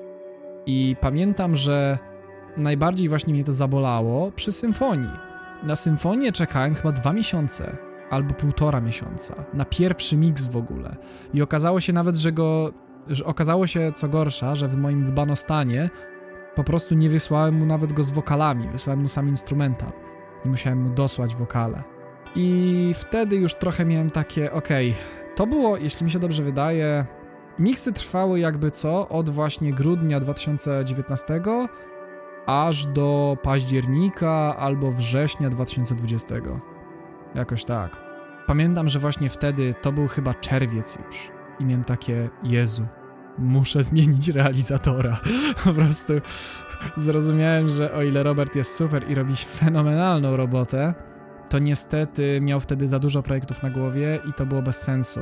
I z pomocą mi tutaj przyszedł Ardian, bo ja pamiętam, że napisałem na takim naszym forum Gentawce i właśnie piszę do chłopaków, słuchajcie, bo naprawdę z Robertem niestety już nie jestem zdolny pracować, bo po prostu zajmie to za długo, a naprawdę chcę, żeby ta płyta wyszła jednak w tym roku. I spytałem się, słuchajcie, znacie może jakichś jeszcze realizatorów? I Ardian polecił mi wtedy swojego ziomka, Konrada, przy czym wtedy ja nie wiedziałem, że to jest Konrad. Wtedy po prostu on mi wysłał link do jakiejś stronki i było tam Oakvale Productions. I miałem takie, o fajno, dobra, wygląda ok, nie? I napisałem do, napisałem do gościa, do Konrada właśnie i tak Słuchaj, bo wykrzaczył mi się poprzedni realizator, chcę, żeby ktoś mi zmiksował szybko resztę płyty i zmiksował tak jak on. No i wydaje mi się, że Konrad w tym momencie pewnie miał takie what the fuck? I tak stwierdził, no dobra, trochę mi się nie uśmiecha, znaczy domyślam, nie napisał tego i szanuję go za to, ale domyślam się, że miał takie średnio mi się uśmiecha miksowanie pod kogoś, ale dobra, no nie? I dałem mu wtedy Beyonda. I pamiętam, że instrumental był super i właśnie wokale trzeba było tylko tak naprawdę ściszyć i kilka takich drobnych rzeczy pododawać. Zrobił się wtedy taki... Pamiętam, że to było coś, co mnie martwiło potem, gdy wspominałem, porównywałem sobie te dwie współprace. Dla mnie niesamowite było, jak bardzo Konrad miałem wrażenie, że po prostu nie bał się robić różnych rzeczy. I jest tak, że jak mówiłem, rozkręć reverb na tych klinach, ale tak wluj, niech to będzie taki post-rock totalny. On to robił I, i to działało, po prostu. I jakby z Robertem czasami musiałem o takie rzeczy naprawdę negocjować, żeby on bardziej rozkręcił reverb na wokalach czy coś. Z nim nie było takiego problemu i było, ta muzyka nabrała właśnie takiej przyjemnej przestrzeni. Nie bez powodu ja uważam do dzisiaj, że najlepsze utwory z pierwszej płyty to jest Beyond Spiders Stronger Hubble. Po prostu mają lepszy mix też moim zdaniem. Lepszy, potężniejszy, wszystko jest bardziej tight e, i bardziej takie przestrzenne. Robił te miksy, że tak powiem, robił te miksy szybciej, to też mu trzeba powiedzieć, też trzeba że tak powiem, pochwalić. Robił je jednocześnie tak podobnie, ale jednocześnie na tyle inaczej, że polubiłem to tak szczerze. I zwłaszcza, że potem jak pokazywałem to chłopakom, pamiętam Ardianowi, który ma chyba z nas najlepiej, jeśli chodzi o inżynierkę dźwiękową słuch, pamiętam, że on jakby też właśnie chwalił, że wow, on nie widzi różnicy między miksami Roberta a Konrada, że to jest bardzo wow, że udało się tą płytę zrobić tak spójnie mimo dwóch różnych realizatorów i trzech różnych gitar basowych, ale tam jeszcze swoją drogą trzeba dodać, że to, bo tam nie wspomniałem, ale e, symfonia na przykład była nagrywana na kompletnie innym basie niż pozostałe. To tak jeszcze warto dodać. No i to był taki, tak szczerze, dodało to takiego też moim zdaniem kontrastu. W sensie to jest coś, czego nie wiem, czy ktokolwiek to zauważy poza mną. Ale mega mi się właśnie podoba, że dzięki temu bardzo kontrastująca jest pierwsza część płyty i druga. Ta, którą robił Robert i ta, którą robił Konrad. One nie dość, że odróżniają się od siebie nastrojem utworów, to również odróżniają się od siebie świetnie właśnie miksem i tym, że on tyl to tylko podbija ten vibe i podbija kontrast. Więc tak szczerze, to jest jak zwykle zresztą w przypadku tego zespołu, niezwykle fajny i korzystny przypadek. Tak jak większość rzeczy, no najlepsze rzeczy powstają przypadkiem. I tak jak mówiłem, miksy zeszły niemal na cały rok 2020. Niemal cały. I już pod koniec miksowania, pod koniec, kiedy te wszystkie rewizje, te poprawki, to wszystko przechodziło, kiedy już miałem wydawać płytę, to już miałem solidne zmęczenie materiału. Zresztą tak jak wspominałem właśnie przy okazji APAF. Co prawda przez to, że to on, te podcasty są inne kolejnością, więc wy pewnie wysłuchacie APAF na przykład na, jako następnego, jeśli chcecie słuchać chronologicznie. Ale tak, wtedy byłem właśnie bardzo już zmęczony, miałem straszne zmęczenie materiału. Miałem bardzo dosyć tego albumu i właśnie już naprawdę bardzo spadło mi mniemanie o nim. Miałem wrażenie, że jest kiepski, że ten cały materiał nie zestarzał się najlepiej przez ten cały czas, nawet mimo naprawdę dobrej produkcji i miksu. Zdanie zmieniłem dopiero niedawno, tak absolutnie szczerze. Dopiero w tym roku, może z miesiąc, dwa miesiące temu, mam teraz przekonałem się, że ej, to nie jest tak złe. To, to nie jest taka zła płyta w sumie jest naprawdę ok i to jest kawał dobrej roboty. Więc chyba po prostu ten album musiał odleżeć. Zaczekać po prostu jakby na swój czas, kiedy w serio będę zdolny go docenić. I tutaj możemy bardzo ładnie, płynnie zresztą przejść do omówienia samego albumu. To zmęczenie materiału, o którym wspominam, bardzo zmieniło moje zdanie o albumie. Kiedyś miałem o nim e, tak jak i o sobie właśnie bardzo wysokie mniemanie. Miałem takie poczucie, że to będzie coś, czego jeszcze nie było, że ja im pokażę tym wszystkim, że wow, to będzie taki innowacyjny heavy metal i tak dalej, e, że to będzie coś wreszcie ciekawego w tym polskim padole, no nie? Takie typowe, typowe gadanie takiego gościa, który jeszcze trochę za mało życia poznał. I początkowo właśnie z tych powodów i wydaje mi się, że podobny hype też przez pewien czas mieli pozostali członkowie zespołu poza mną. I to nieważnie, nieważne którzy, bo nieważne, że zmienił się Stachu na przykład na Sebę, czy Ania na Paulinę. Wydaje mi się, że wszyscy mieliśmy jakieś takie przeświadczenie. Początkowo przez to album miał nazywać się Awake to this World, dlatego, że w Priście tak było zaśpiewane. W Priście było właśnie Awake to this world to carry your will. I Priest jakby przez to wydawał się takim tym statementem dominującym w albumie. No ale wszystkie te ambicje strawił czas. Teksty właśnie nie były pisane na podstawie moich przeżyć. Były raczej takimi luźnymi wyobrażeniami, jakimiś ułożonymi w historię, jakieś takie luźne, takie opowiastki, które człowiek sobie wymyśla tak naprawdę po to, żeby był tekst i żeby pasował historią do tego, co mówi muzyka. Przez to, że zawsze byłem fanem muzyki instrumentalnej, to instrumental jest u mnie tak naprawdę dominującą wartością. I wokal jest elementem instrumentalu. I nie wiem, czy kiedykolwiek się to zmieni. W teorii przy drugiej płycie bardziej nad tym myślałem. I druga płyta wydaje mi się, że jest dużo bardziej przemyślana pod wokal i tekstowo. Choć w pozorom wydaje mi się być momentami dużo prostsza. Ale tak, ten album to taki glorified instrumental z wokalem. Taki instrumental with attitude. With attitude. Dokładnie. Takie bardzo dziwna rzecz. W pewnym momencie właśnie zrozumiałem, że o ile z czasem te teksty nabrały znaczenia jakiegoś, to same z siebie one go nie mają, tak jakby. Tak naprawdę, spoglądając prawdzie w oczy, ta płyta nie ma żadnych wartości ze sobą. To jest po prostu instrumenta, to jest po prostu kilka instrumentali sprzed lat, e, wielu lat.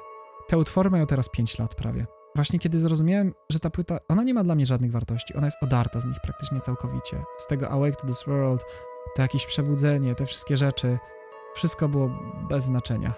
I jedyne, co pozostało tej płycie, to pewne powiązanie w mojej głowie, że każdy utwór miał swój kolor. I Priest na przykład jest złoty, Memories jest zielone, takie jak trawa. Kojarzy mi się właśnie bardzo z trawą, wypoczynkiem jakimś na łące.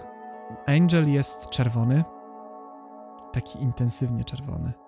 Symfonia jest żółta, trochę jak takie kocie oczy, a trochę jak e, takie takie malowidła, gdzie księżyc i gwiazdy są przedstawiane często na żółto. Spiders jest czarne, czarno-białe. Jakoś na tej zasadzie. Jest takim intensywnym akcentem. Beyond jest niebieski, taki właśnie kojarzący się z morzem, oceanem. Stronger jest i Hubble, Stronger i Hubble są fioletowe. Taki dziwny fiolet, kojarzący się trochę z takimi, z tymi barwnymi mgławicami gwiezdnymi. Coś w tym stylu. W pewnym momencie zrozumiałem, że właśnie w ten sposób to jest może wbrew pozorom dużo lepsza prezentacja tego albumu. Przedstawianie go odartego z tych wartości, z rzeczy, które nawet nie wiem, czy były prawdziwe i nie wiem, czy były słuszne i nie zestarzały się najlepiej i, że tak powiem, w pewnym czasie, po pewnym czasie zniknęły albo straciły swoją wartość, więc zostały tylko kolory i to znaczy, że to jest to, czym to miało być. Ten album, no to po prostu kolory, tylko kolory. Wydaje mi się, że to nawet lepiej dla tego albumu. Że jakby odbiera mu to taką pompę, którą on miał, że on na początku wydawał się mi taki pompatyczny, taki bombastic, taki wow. I miał zrobić wrażenie i w ogóle. I ostatecznie to wszystko tak sobie spełzło i jest takie poczucie, a, a on po prostu jest. A po prostu są kolory. Pozbawione jakichś takich, pozbawione ego, pozbawione jakiegoś wydumania. Tak naprawdę tylko tyle z tego albumu zostało w takim, takim barebone, w takiej barebone formie, bym powiedział. Podobnie okładka, która na początku miała, nawet nie pamiętam już co przedstawiać. Pamiętam, że miałem kilka pomysłów. Jednym był taki zegar z oczami. Znajoma narysowała skarabeusza jako taki symbol chyba odrodzenia. I to też miało się fajnie kojarzyć. Matylda w sensie. Ostatecznie skończyło się tak, że te wszystkie plany spełzły na niczym. I ja usiadłem i jak wróciłem z Rumunii i Bułgarii, pamiętam w tamtym okresie, wziąłem jedno ze zdjęć, które przez pewien czas wisiało mnie w tle na Facebooku. Przetworzyłem je przez wektory. Zwektoryzowałem bitmapę. Ja mam taką opcję w Inkscape, w którym robię właśnie większość grafik. I to dało taki niesamowicie dziwny rezultat. Bardzo taki specyficzny, że właśnie byłem. No, byłem ja, był ten taki gościu siedzący sobie w szarawarach na murze i za nim morze. Tak jak ja tam miałem taki uśmiech do którego przez pewien czas chciałem w ogóle dążyć. Pamiętam, jak byłem w takim najgorszym okresie wtedy i miałem takie, do tego uśmiechu chcę dążyć, że tak, tak chciałbym się czuć większość czasu. Taki pogodny spokój i szczęście. wtedy właśnie ten uśmiech się dziwnie wynaturzył na, tym, na tej wektoryzacji i te, ta postać, która w teorii była mną zwektoryzowanym, stała się jakąś taką dziwną, obcą osobą, z takim dziwnym uśmiechem, takim nie do końca mówiącym cokolwiek, trochę takim creepy wręcz, e, a trochę takim bez znaczenia. Zrozumiałem, że to, to była postać. Przecież to był on, to był ten kapłan, to był The Priest. To, to jest dokładnie to. To jest dokładnie on. On jest właśnie taką dziwną postacią, której, która niby ma te wszystkie motywacje i jest tym. Ten uśmiech to był przecież taki dokładnie narcyzm, po prostu, którym on emanował. To jest właśnie postać tego kapłana, tego narcyza, który ma niby tą motywację i niby ma te dobre wartości, ale w sumie tak naprawdę jest po prostu narcystycznym dupkiem, który chce wszystkim udowodnić, że jest lepszy od nich. Jak to jakby zobaczyłem w tym, to miałem takie wow, to jest to, to jest okładka. I potem doszły po prostu do niej kolejne grafiki. Widać to zresztą po pierwszych singlach e, na YouTubie, że właśnie na początku grafika to było tylko to, napis Eternum, Just Colors po drugiej, napisany taką czcionką właśnie jakby palcem po prostu malowaną na szybko. I potem właśnie doszły do tego kolejne grafiki, doszło do tego zaćmienie z symfonii, e, doszło do, te, doszedł do tego statek z Beyonda, doszła galaktyka gdzieś w tle ze Strongera z tą taką ramą. Jakby tak wygląda jak takie Wygląda to przez to, jakby tam za tym kapłanem z jednej strony był księżyc taki w zaćmieniu, albo raczej w którejś fazie, e, a z drugiej strony jakby takie okno na kosmos i galaktykę pośród nieba. Potem właśnie doszły do tego pająki, e, spiders, które chodzą po tym kapłanie i widać, że on po prostu jest obleziony przez te pająki. Zrozumiałem, że to wszystko złożyło się w taką totalną abstrakcję. Ta okładka jest kompletnie abstrakcyjna. I te, ale to było to. Ona wyrażała dokładnie to, co miała wyrażać. To był narcystyczny kapłan, otoczony przez właśnie myśli o kosmosie gdzieś tam daleko, jakieś zaćmienia, jakby takie zjawiska kompletnie abstrakcyjne. I te pająki obłażące go, i on uśmiechający się, myśląc, że a, dam radę, ja jestem lepszy. I jakby to wszystko takie to wszystko nałożone na siebie naraz. Tak jakby cała historia albumu, która w pewnym momencie jakby wykrystalizowała mi się w głowie, była pokazana jednocześnie wszystkie chwile naraz, na jednym obrazie. I to było to. Zrozumiałem, że to jest to. To, ta okładka w kompletnej abstrakcji, pamiętam, że zresztą jak pokazałem to i wstawiłem ten album, Kuba chyba mnie właśnie wyśmiał i powiedział, przecież ta okładka nic nie znaczy. Po co? Ty, w ogóle miałeś jakikolwiek... Co, co, ta, co to za okładka? Jerry, ty w ogóle umiesz robić okładki do swoich tych... do swojej muzyki? No więc słuchaj, Kuba. Chyba nie. One same to robią za mnie. Ja nie stworzyłem tej okładki, ona tak jakby sama się w pewnym momencie zrobiła. Ja nie umiem nawet tego wytłumaczyć. A i pewnie to brzmi jak takie foliarstwo, ale no, ja lubię o tym myśleć w ten sposób. Lubię myśleć, że ludzie mają taką intuicję, która sprawia, że robią rzeczy, a ich konsekwencje e, i ich znaczenie przychodzi dopiero później. A raczej to, co może być znaczeniem i to, co może, to, co dla nas może serio być pomocne. I wydaje mi się, że to zamyka omówienie albumu jako takiego ogółem konceptu. Aczkolwiek jest to zaledwie powierzchowne. I żeby wejść serio w jakąś historię, którą opowiada ten album, to musimy omówić po kolei wszystkie utwory. I to będzie kolejny i ostatni rozdział. Oczywiście będziemy iść e, kolejnością, w której były wydawane. I kolejnością, w której były miksowane, bo kolejność miksów była kolejnością, pote, w której potem dałem je na albumie. Która różni się swoją drogą od setlisty. Więc tak, przejdźmy do omówienia utworów. Pierwszy będzie oczywiście Priest. I jak na ironię, otwiera płytę, a powstał ostatni z niej. Jest absolutnie ostatnim utworem, który napisałem do tej płyty. Absolutnie szczerze, tak jak już zresztą mówiłem w tym podcaście, ja go napisałem dla żartu. To miał być taki pastisz Judas, Pri Judas Priest. Takie medley jakby takich jakby alike riffów, taki podobnych do nich. Oczywiście dodałem tam trochę takich rzeczy od siebie, czyli takie coś, co mnie wtedy fascynowało, czyli robienie muzyki takiej, tak jak mówiłem, technicznej i dosyć trudnej do grania. Czyli właśnie jakieś dziwnie poprzesuwane akcenty, jeden właśnie ten riff otwierający na 7 ósmych, takie, takie drobne, drobne smaczki bym powiedział, które czynią to czymś, że ja bym poznał, że to jest coś, co ja napisałem. Takim z moim zacięciem z tamtych czasów przynajmniej. E, jeśli chodzi o... Też warto dodać, że końcówka main riffu w sumie jest ta... Jak jest to tar ta ta ta ta tar tar tar tar tar tar tar tar tar tar tar tar tara dara dara dara dara dara dara to jest z Żyna z Hero. Ektopi.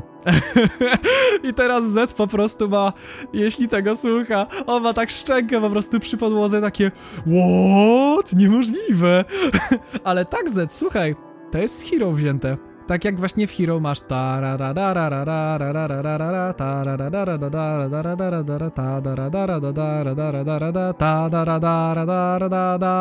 Stary, to jest ja, ja to wziąłem stąd. Ja, ja to wiem. Ty teraz też to wiesz. Ja tego nie powiedziałem chyba przez ten cały czas. Więc tak, teraz to wiesz.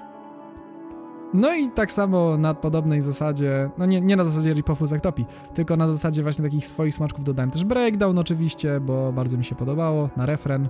Takich dużo subtelnych też zabiegów, lead na ostatnim refrenie, to co mówiłem zresztą, że też lead na ostatnim refrenie na przykład się tak dziwnie zapętla e, i to w taki sposób jak ten taki tarara, tarara, tarara, tarara, tarara, tarara. On jest na przykład na 3 ósme tak naprawdę. Ale mało tego, to jest przecież też e, wzięte z innego miejsca, to jest wzięte z O Hiroshima, takiego zespołu postrokowego, który ma tarara, tarara, tarara, tarara, tarara, Oni też mieli właśnie taką pływającą melodię i też niesamowicie mi się to podobało. I no, ja bardzo lubię, że tak powiem, inspirować się innymi ludźmi. Myślę, że większość muzyków może się tym pochwalić, bo to nie jest nic nadzwyczajnego. Ale tak, fajnie jest powiedzieć o swoich inspiracjach. No i tak jak mówiłem wcześniej przy okazji studia, no chłopaki nie lubili tego utworu, jeśli chodzi o nagrywanie. Był masakrycznie ciężki i te ak przesuwane akcenty były masakrycznie ciężkie dla prawej łapy, bo na przykład yy, Palcer stwierdził, że będzie wszystko downstrokeował i brzmiało to jak brzmiało, no było to dla niego ciężkie ale fajnie siadło. Tak, coś takiego. Jeśli chodzi o takie techniczne aspekty, to jest tam trochę takich fajnych rzeczy, takich właśnie przesuwanych akcentów. Wszystko to naraz. Eee, jeśli chodzi z kolei o tekst, bo będziemy jakby symultanicznie tutaj przechodzić przez różne rzeczy i będę opowiadał zarazem o takich technicznych anegdotkach, takich właśnie związanych z kompozycją, instrumentalem właśnie, ale będę też nawiązywał do będę też nawiązywał właśnie do tekstu i do historii bo teraz z perspektywy czasu uważam, że tak, ten album ma pewną swoją historię. Tekstowo, no to to jest właśnie introdukcja kapłana. Tego z okładki i tego, który będzie głównym motywem historii. jest to jakby główna postać i jest to pokazanie, że właśnie jest to ambitny, nieugięty, on zrealizuje swoje cele, żyje swoje życie z misją po prostu. Jego życie to jest misja, żeby jakby nieść dalej tą przysłowiową, nie wiem, latarnię tej muzyki, e, ten jakby znicz, no nie? Tak jak taki olimpijczyk trochę. I że jakby jakim cudem, o, co go niby zdoła zatrzymać, że to właśnie on jest też to taką, jest tam potem nawiązanie zresztą bezpośrednio do Judasów i że nadejdą jakby takie, to było takie trochę przeświadczenie i takie powiedzenie, że o, Eee, Okej, okay, Judasi na przykład pewnego dnia odejdą i już nie będą grać, no, ale wiesz, ale to było takie powiedzenie, ale my przyjdziemy na ich miejsce. Buta. Eee, nawet może nie tyle buta. Duma, przesadna duma, narcyzm. To są rzeczy, których nie usłyszy się na pierwszy rzut oka w tym utworze. To jest e, coś, co wydaje mi się, że trzeba czytać między wierszami. Chociaż nie, pewnie pewne osoby powiedzą, że a ja widziałem od początku. No spoko, no to gratulacje spostrzegawczości, stary. E, ale tak, to ten utwór ma mroczną stronę, tak jak kapłan. Ma motywację, jest ambitny, bardzo chwała mu za to, ale też jest narcyzem. I jest przesadnie, jest chorobliwie niemalże ambitny. Ma o sobie przeświadczenie, że jest zdolny zastąpić największych. Fajnie, że traktuje ich jak równych sobie. Pytanie, czy powinien. O, i następne będzie Memrys. I Memrys, tak jak mówiłem, napisałem we współpracy ze Stachem. Stach dał mi tak naprawdę dwa riffy, e, znaczy dał mi taką paczkę riffów i ja dwa riffy stamtąd wziąłem i dodałem do nich trochę swoich. Dodałem takiego leada właśnie, który jest głównym motywem, e, znaczy głównym, no takim jednym z bardziej chyba zapamiętywalnych motywów. I guess? Nie wiem. Stach był mega zdziwiony, jak usłyszał pierwszą wersję, to pamiętam. I potem sam dodał od siebie troszkę, ale pamiętam, że na początku jego pierwsza reakcja to było takie, że nie no, jakby masz te riffy, no taki większość to jest taki new wave of British heavy metal, pewnie nic ciekawego. Jak mu pokazałem Memories, to miał takie wow, myślałem, że z gówna nie da się bicza ukręcić, ale najwyraźniej się da. Co prawda, wydaje mi się, że on potem nabrał zupełnie innego zdania i to, to nie jest zły utwór. Jest catchy, jest dosyć prosty, ale jest catchy. Ma, ma swoje bardzo fajne momenty. Tak, on dodał potem taki jeden, dodał pamiętam gitarkę harmonizującą, fajne solówki dodał, tam w ogóle jest mega dużo solówek, Jezus Maria. Pamiętam, że motyw na klinie, bo tam była taka zwrotka na klinie jakby bardzo wolna, znaczy właśnie w oryginalnej wersji ta zwrotka nie była wolna, to Kredzie ją zagrał dwa razy wolniej. I to akurat wyszło naprawdę super, bo na początku miało być takie tu, cza, tu, cza, a Kredzie zagrał ją wolniej w takim bardziej dostojnym rytmie, i wtedy też ja przeniosłem motywy z klinów, które grał Balcer i e, Stach chyba. Ja to przeniosłem na bas. I ja to grałem sam na basie, tak jakby trochę akordem, a trochę tappingiem, jakby łącząc jedno i drugie. W sumie jedno i drugie, połączenie tego z tym, co zrobił Kredzio, siadło dużo lepiej, dodało tam taki powolny, dostojny vibe, albo taki właśnie odrealniony vibe, można też wręcz, wręcz powiedzieć. No i oczywiście, tak jak mu no tak, ten lead to było też takie, ten lead, co tam wspominałem o nim, no to taki typowy łamacz palców. Ja uwielbiałem go grać, um, bo po prostu mi, mi ewidentnie on dobrze siadał pod palce. Ja miałem go bardzo fajnie rozkminionego. Chłopaki mieli straszny problem tam z tłumieniem, żeby brzmiało to naprawdę dobrze. I wyglądało to fajnie na scenie, więc to też taka fajna rzecz. Um, Dużo drobnych rzeczy było też, znowu drobne takie zabiegi, które ja po sobie poznam, czyli jakby nie wiem, ścięcie solówki na przykład e, o jeden takt wcześniej, żeby zeszła i schodziła na zwrotkę. A tak to taki bardzo frywolny utwór bym powiedział. Tekstowo zresztą w sumie też. Pamiętam też, że właśnie w pierwszej solówce Stacha, ale w instrumentalu, nie na początku, zasugerowałem właśnie Stachowi tą harmonię, która tam jest. I Jezus Maria, pamiętam, że on na początku kompletnie nie wiedział, co tam zagrał, bo on improwizował większość solówek. I właśnie miał takie, o, what the fuck? I nagle musiał zrozumieć, że musiał napisać kompletnie inaczej tą partię, żeby w ogóle ją dobrze zagrać. To to tak o instrumentalu. Jeśli chodzi o, tak jak wspominałem o tekst, ojejku, to jest dziwne miejsce, bo chociaż mówi o... Znowu, wydaje mi się, że tutaj trzeba czytać między wierszami tekst sam w sobie wydaje się być taki ciężki i o takich ciężkich tematach mówić, ale to mi się niestety kojarzy z, trochę ze mną i postać kapłana oczywiście jest wzorowana na mnie eee, i na jakby mojej drodze. Oczywiście, że tak. Bardzo mi się kojarzy tekst Memories z tym, jak ja podchodziłem wtedy do różnych tematów. I wydaje mi się, że byłem wtedy trochę taki powiedzmy, że jakby bardzo mało. Nigdy nie pchałem się bardzo w różne przeżycia. Raczej byłem zawsze dosyć takim bezpiecznym człowiekiem i miałem chyba takie bezpieczne życie zarazem pod względem zarazem emocjonalnym, jak i takim e, przeżyciowym, właśnie psychicznym. Wydaje mi się, że udało mi się dzięki temu wiele rzeczy uniknąć i wziąłem się za tematy, które są takie chyba mi nie są zbyt bliskie i znajome. Taka nostalgia tam była, której ja nie czuję. Ja nigdy nie byłem nostalgiczną osobą. I jest to dla mnie bardzo takie właśnie dziwne czytać ten tekst i mieć takie to nie jestem za bardzo ja. To jestem ja wyobrażający sobie, co inna osoba mogłaby czuć nam, nie wiem, co ja mógłbym czuć na miejscu drugiej osoby. I przez to, że jest to niepoparte za bardzo doświadczeniem, to jest to takie. No, jest to człowiek, który mówi o problemach, nie do końca rozumiejąc ich wagę. I muzyka też nie oddaje ich wagi. To jest najgorsze, że właśnie instrumental tam nie idzie w parze tak bardzo z tekstem, tak mi się wydaje. Jest to taka. Jest tam też taka gloryfikacja takiego właśnie zespołu i obecnego życia jako takiej tarczy przed tym wszystkim, że all the memories of time, when our hearts does not know sorrow, does not know sorrow. To jest takie właśnie, że o, te wszystkie wspomnienia, które mamy razem i że one niby nas obronią przed tym wszystkim. jak ja się szybko przekonałem, nie obroniły, a zespół się rozpadł. Więc tak naprawdę ten utwór stał się taką bardzo. To jest taka bardzo gorzka rzecz. W sensie, wydaje mi się, że najbezpieczniejszym jest go nie traktować poważnie. Tak naprawdę do tego on zmierza, on jest tym elementem historii. On przedstawia moim zdaniem właśnie taką niepoważną tą stronę trochę tego kapłana. To, że stylizuje się na taką potężną postać. Stylizuje się na taką, na tego kogoś, tego wodzireja po prostu, I guess. Na jakiegoś po prostu, nie wiem, tak jak poeci kiedyś się stylizowali. Jakiegoś wieszcza czy coś takiego.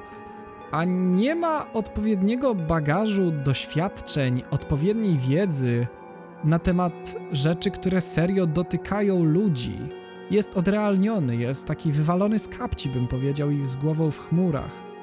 Zwłaszcza to słychać chyba na tej zwrotce z Cleanem, no nie? Że tam jest I left the world just like I leave my home, close the door, let my feet carry me. Tam jakby jest to trochę pokazane. I ciężko go winić, tak naprawdę ciężko, nikt by nie miał pretensji do takiej osoby, że jest taka odrealniona, że coś.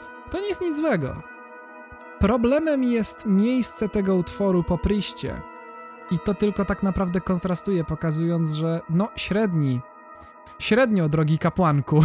Oj, oj, nie kapłanku, minus jeden. to jest to, tym jest Memrys. I teraz przechodzimy do trzeciego utworu. I trzecim utworem jest Angel. Oj, Angel. No, to był burzliwy w swoim procesie powstawania utwór. Not gonna lie. Początkowo była to zbieranina, tak jak zresztą powiedziałem, riffów Balcera, którą mi oddał, żebym złożył ją w coś. No i ja złożyłem. Dodałem do tego też bardzo taką doturbioną perkusję, z myślą o kredziu tak naprawdę i bardziej takim technicznym graniem i też bas sobie bardziej skomplikowałem. Uznałem, że będzie to dużo ciekawsze. No i jako, że to na początku była tak naprawdę kompozycja w dużej mierze Balcera i on się do niej poczuwał, no to na początku kompletnie tego nie przyjął i zrobił swoją wersję w odpowiedzi tak stwierdzając, nie, nie, nie, to nie zadziała, to nie zadziała. To ja robię swoją wersję. No i mi kompletnie ta wersja nie siedziała. Poza tym, zgodnie z tym, co mi zresztą mówił Stach, to oni nawet raz przegrali na jednej próbie tą wersję Balcera i podobno kompletnie ona nie siedziała. Po prostu mega się ona nie podobała, zwłaszcza tam Kredziowi, Stachowi, oni obaj stwierdzili, że nie, nie, nie, to jest, to jest, to jest średnie, to nie, nie róbmy tego, nie idźmy w to.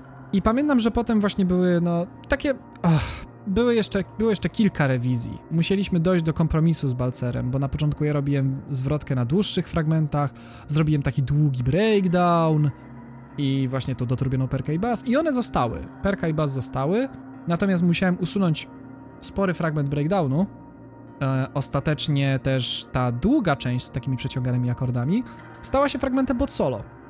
A fragmentem takim po, fragmentem pod zwrotkę stał się ten szybki riff. I to akurat wyszło na zdrowie bardzo.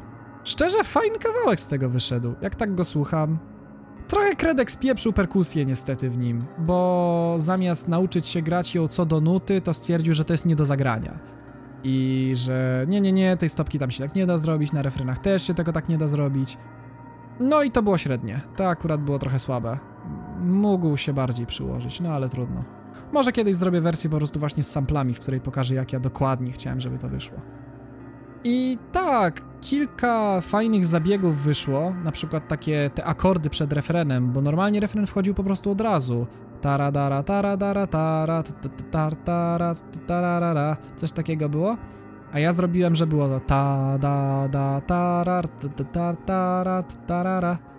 I to wynikało z tego, że ja potem napisałem właśnie ten tekst, no take a deep breath i jakby już wtedy miałem takie poczucie, że okej, okay, to będzie fajne, bo jakiś tekst. Już wtedy miałem takie poczucie. Pod takie właśnie trzy słowa. Nie, więcej, cztery, no. Ale tak, takie wyraźne trzy akcenty. Tak, e, to akurat naprawdę fajnie wyszło. To był jeden z takich fajniejszych akcentów. Potem Paulinie się zresztą podoba, jak go pokazałem. Też potem właśnie przy instrumentalu fajnie się tego słuchało, właśnie Robert nawet stwierdził właśnie jak to miksował, że wow, zaje, zajebisty instrumental, naprawdę szanuję. I tak samo też bardzo fajne drugie, długie takie solo Stacha udało się tam zrobić. Stachu był mega zadowolony, bo uwielbiał grać solówki, więc super. W studiu co prawda wyniknęły problemy z linią wokalną, bo ja na, na początku napisałem taką linię staccato. e, dosyć na to, to Where world was young and chaos seemed. Podobno, znaczy podobno, no, brzmiała ona dosyć sama z siebie kiepsko.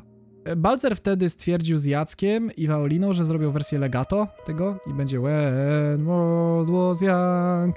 Nawet nie mieli do końca pomysłu, jak to będzie zaśpiewane słowami. Ostatecznie właśnie zobacz, tak jedna i druga mi się nie podobała wersja tak same w sobie, więc stwierdziłem, dobra, why not both? I dałem obie. I to akurat siadło. I w sumie jestem mega zadowolony z tego, jak to wyszło, nawet jeśli tam jest dosyć gęsto. Jeśli chodzi o intro, bo jest też uwertura, na początku to Balcer napisał w ogóle jakieś intro do Angela i nieświadomie zrobił zżynę z Fate to Black Metaliki e, i Kredek i Stach bardzo szybko mu to wypunktowali i stwierdzili, to brzmi jak Fate to Black, Balcer. Na co on, a dawno nie słuchałem Metaliki, to nie wiem, Eldo, zaorane.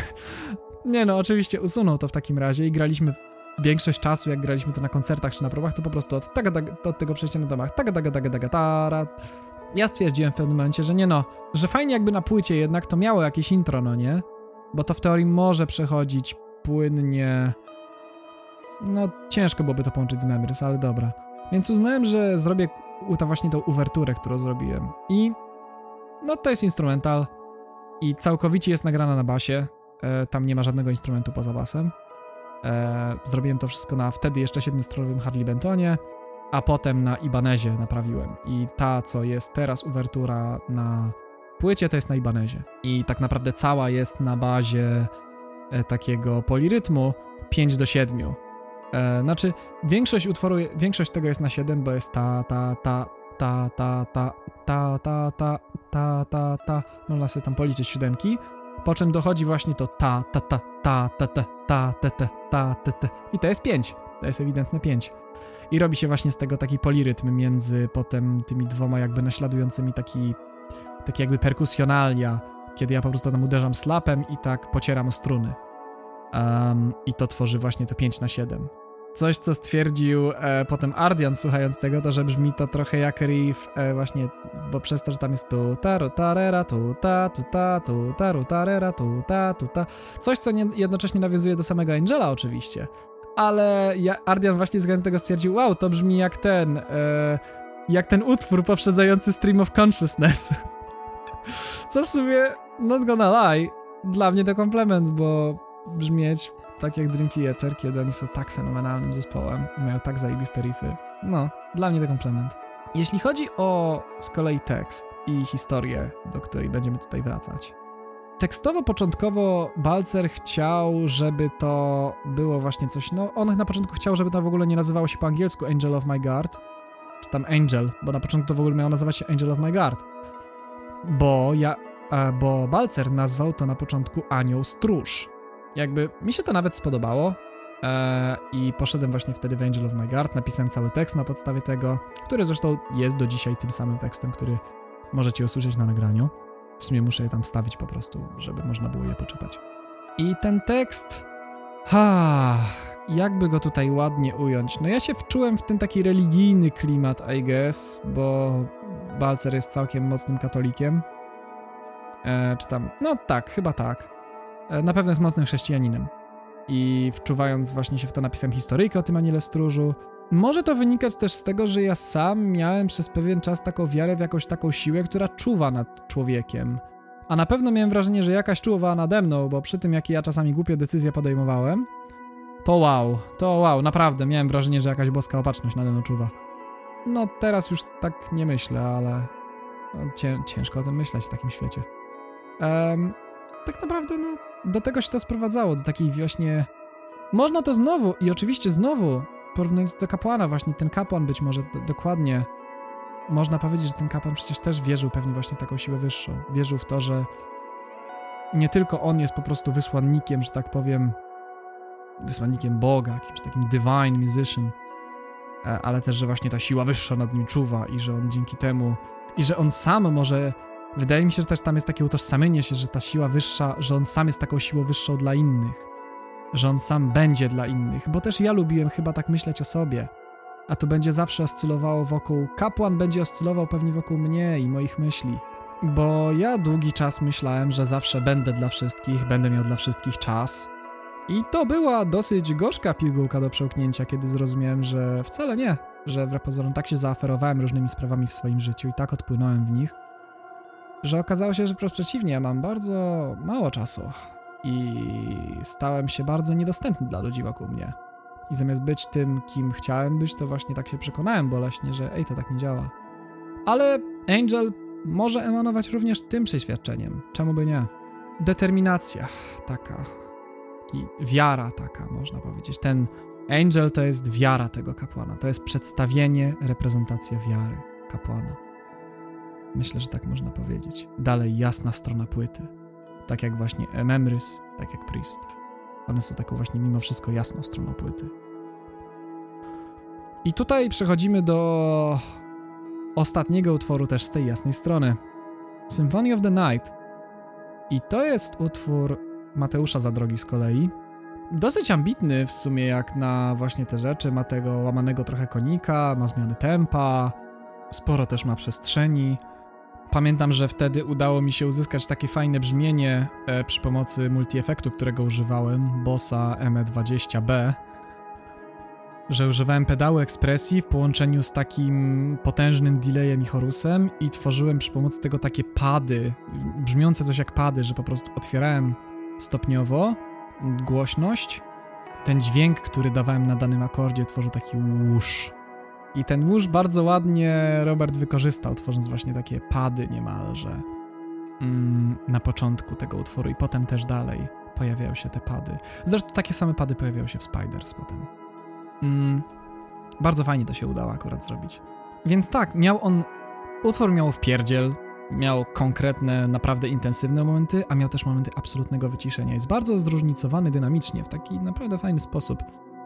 Robert też wykonał naprawdę świetną robotę z wokalami, bardzo dużo właśnie też takich reverbów i delay. Tutaj wreszcie, wreszcie uznał, że naprawdę podejmie taką mocniejszą decyzję w tej kwestii i naprawdę fajnie wypełnił nimi przestrzeń. Fajnie Kredzio Perkę pozmieniał pod siebie miejscami, trochę inaczej siedzi niż ta napisana przez Bobra i w sumie dużo lepiej. Jest dużo bardziej taka dzika, bardziej taka właśnie frywolna, co też moim zdaniem działa bardzo na korzyść tego utworu. Nawet jest takie solo basu i nawet jest e, taki w jednym miejscu taka, taki chórek jakby, który tak naprawdę jest złożony chyba z moich 60 czy 70 głosów nagranych jednocześnie i harmonizujących jakoś tam ze sobą. W sumie warto też dodać, że wszystkie te utwory e, po kolei, tak naprawdę poza Priestem, miały naprawdę ciężkie wokalnie momenty. E, w sensie Memrys zwłaszcza ma cholernie wysokie wokale, Symfa tak samo, w sensie Symfa Symfonia. Też bardzo, bardzo ciężkie wokalnie i pamiętam, że dosyć długo się z tym męczyłem przy nagrywaniu, żeby to naprawdę dla mnie samego siadło. Ale właśnie bardzo fajne wleciały te wysokie wokale, harmonie, nawet jakieś growle miejscami czy darcie. Chyba to tyle. W sensie pamiętam, że tam było też trochę takich zabiegów typu takie tremolo szesnastki na tej takiej ostatniej części, bo stwierdził Jacek, że dawajcie taki black metal tutaj zrobimy. Oczywiście jak ktoś tego słucha, kto słucha black metalu, i ty wiesz, że ja mówię do ciebie, to tak, to pewnie stwierdzi, jaki kurwa black metal, że tu bat, bat, batuszki nie słyszałeś, albo nie wiem czego. Nie, nie znam się na black metalu oczywiście.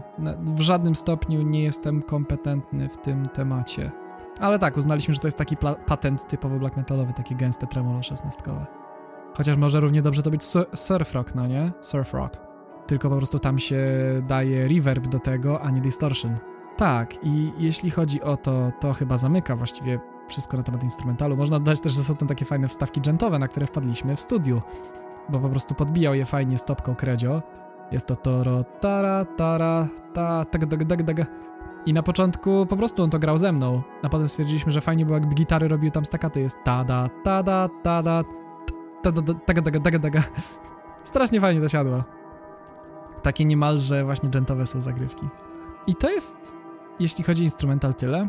Tekstowo znowu myślę, że taka tak jak w Memories były takie przebłyski takiego o ten różne rzeczy złe się dzieją, ale ja mam swój zespół, ja mam swoje chwile, których mogę się trzymać, to mnie na pewno nie dosięgnie i mnie nie złamie.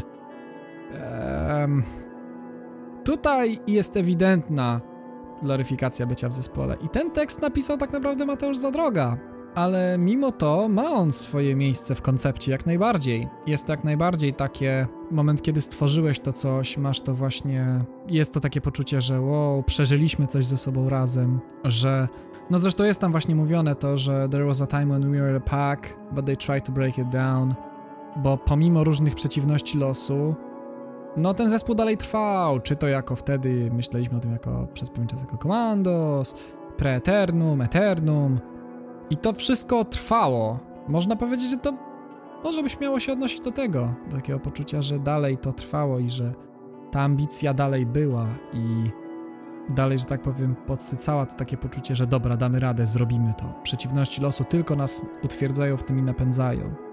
I że zawoju- zawojowalibyśmy cały świat po prostu z tą płytą i z tą muzyką. Tu się kończy e, jasna strona płyty, a zaczyna ciemna. I ciemna zaczyna się od Beyonda. I będąc szczerym, tu się też zaczyna, tak jak mówiłem, moja ulubiona część albumu. Ostatnie trzy utwory. Oczywiście wszystkie totalnie starocie. Powstawały, tak jak mówiłem, koniec 2015, początek 2016. Od tamtego czasu trochę się zmieniły. Głównie zostały dodane do nich jakieś warstwy, właśnie gitar czy czegoś takiego. Całe szczęście, że Balcer Beyond do tego zasugerował, żeby on się pojawił na tym albumie. Bo to jest tak naprawdę najważniejszy utwór na całej płycie. On samą swoją obecnością zmienia to w koncept album. Tak naprawdę on sam jeden e, swoją siłą, tak naprawdę w połączeniu z Priestem, to on sprawia, że to wszystko ma sens. Bardzo dobrą robotę zrobił też tutaj Kredzio swoimi bębnami. Początkowo per, perka była bardzo prostacko napisana, na jedno kopyto bardzo. I tak naprawdę właśnie Kredzio bardzo zmienił odbiór tego wszystkiego, e, grając to i dodając jej taki swój feel i te takie przyspieszane miejsca, e, dużo twina na refrenach. Dużo też takiej postrokowej atmosfery i tutaj to akurat zawdzięczam Konradowi i temu, że ja sam zacząłem słuchać w tamtym czasie dużo Devina Townsenda, album Transcendence. No, wszystko tak, że tak powiem, ładnie kliknęło razem ze sobą. Fajnie też tutaj usiadł bas po przetworzeniu Parallaxem, bo było tak, że tak jak e, chyba nie wspominałem, a powinienem był, w przypadku basu i miksów to właśnie na początku tego Squire'a przetwarzał Parallaxem e, Robert, pluginem od Neural DSP, a potem ja go sam sobie kupiłem. I właśnie to przy okazji epki będę o tym więcej pewnie opowiadał. Tutaj powiem tylko, że tak, właśnie tutaj również przetworzyłem Parallaxem e, samemu właśnie bas do ostatnich trzech utworów, bo kupiłem go, no i siadło. Naprawdę potężnie, potężnie wyszło. I w tym przypadku to jest utwór, w którym chyba chyba jestem najbardziej zadowolony z wokali i z harmonii wokalnych. Zwłaszcza na tych czystych częściach, gdzie wchodzą takie harmonie, takie mi kojarzące się trochę z Beatlesami. To jest miejsce, to są jedne z miejsc, w których naprawdę jestem najbardziej dumny na tym albumie. E, albo te growle takie w stylu Devina Townsenda, rozrywające właśnie po prostu przestrzeń na końcu. Bardzo taka fajna, kontrastująca atmosfera, moim zdaniem nie mniej utwór dobry co Symfa, nawet lepszy, tak szczerze. Fajne też właśnie jest to, że są tam tappingi na basie, na refrenach, które wbrew pozorom siedzą. Fajnie, że właśnie udało się je osadzić mimo tego w miksie, że to zazwyczaj tapping nie jest czymś, co usiądzie w miksie, jeśli chodzi o bas. Ale no grałem je tam tak bardzo pod kątem właśnie rytmiki.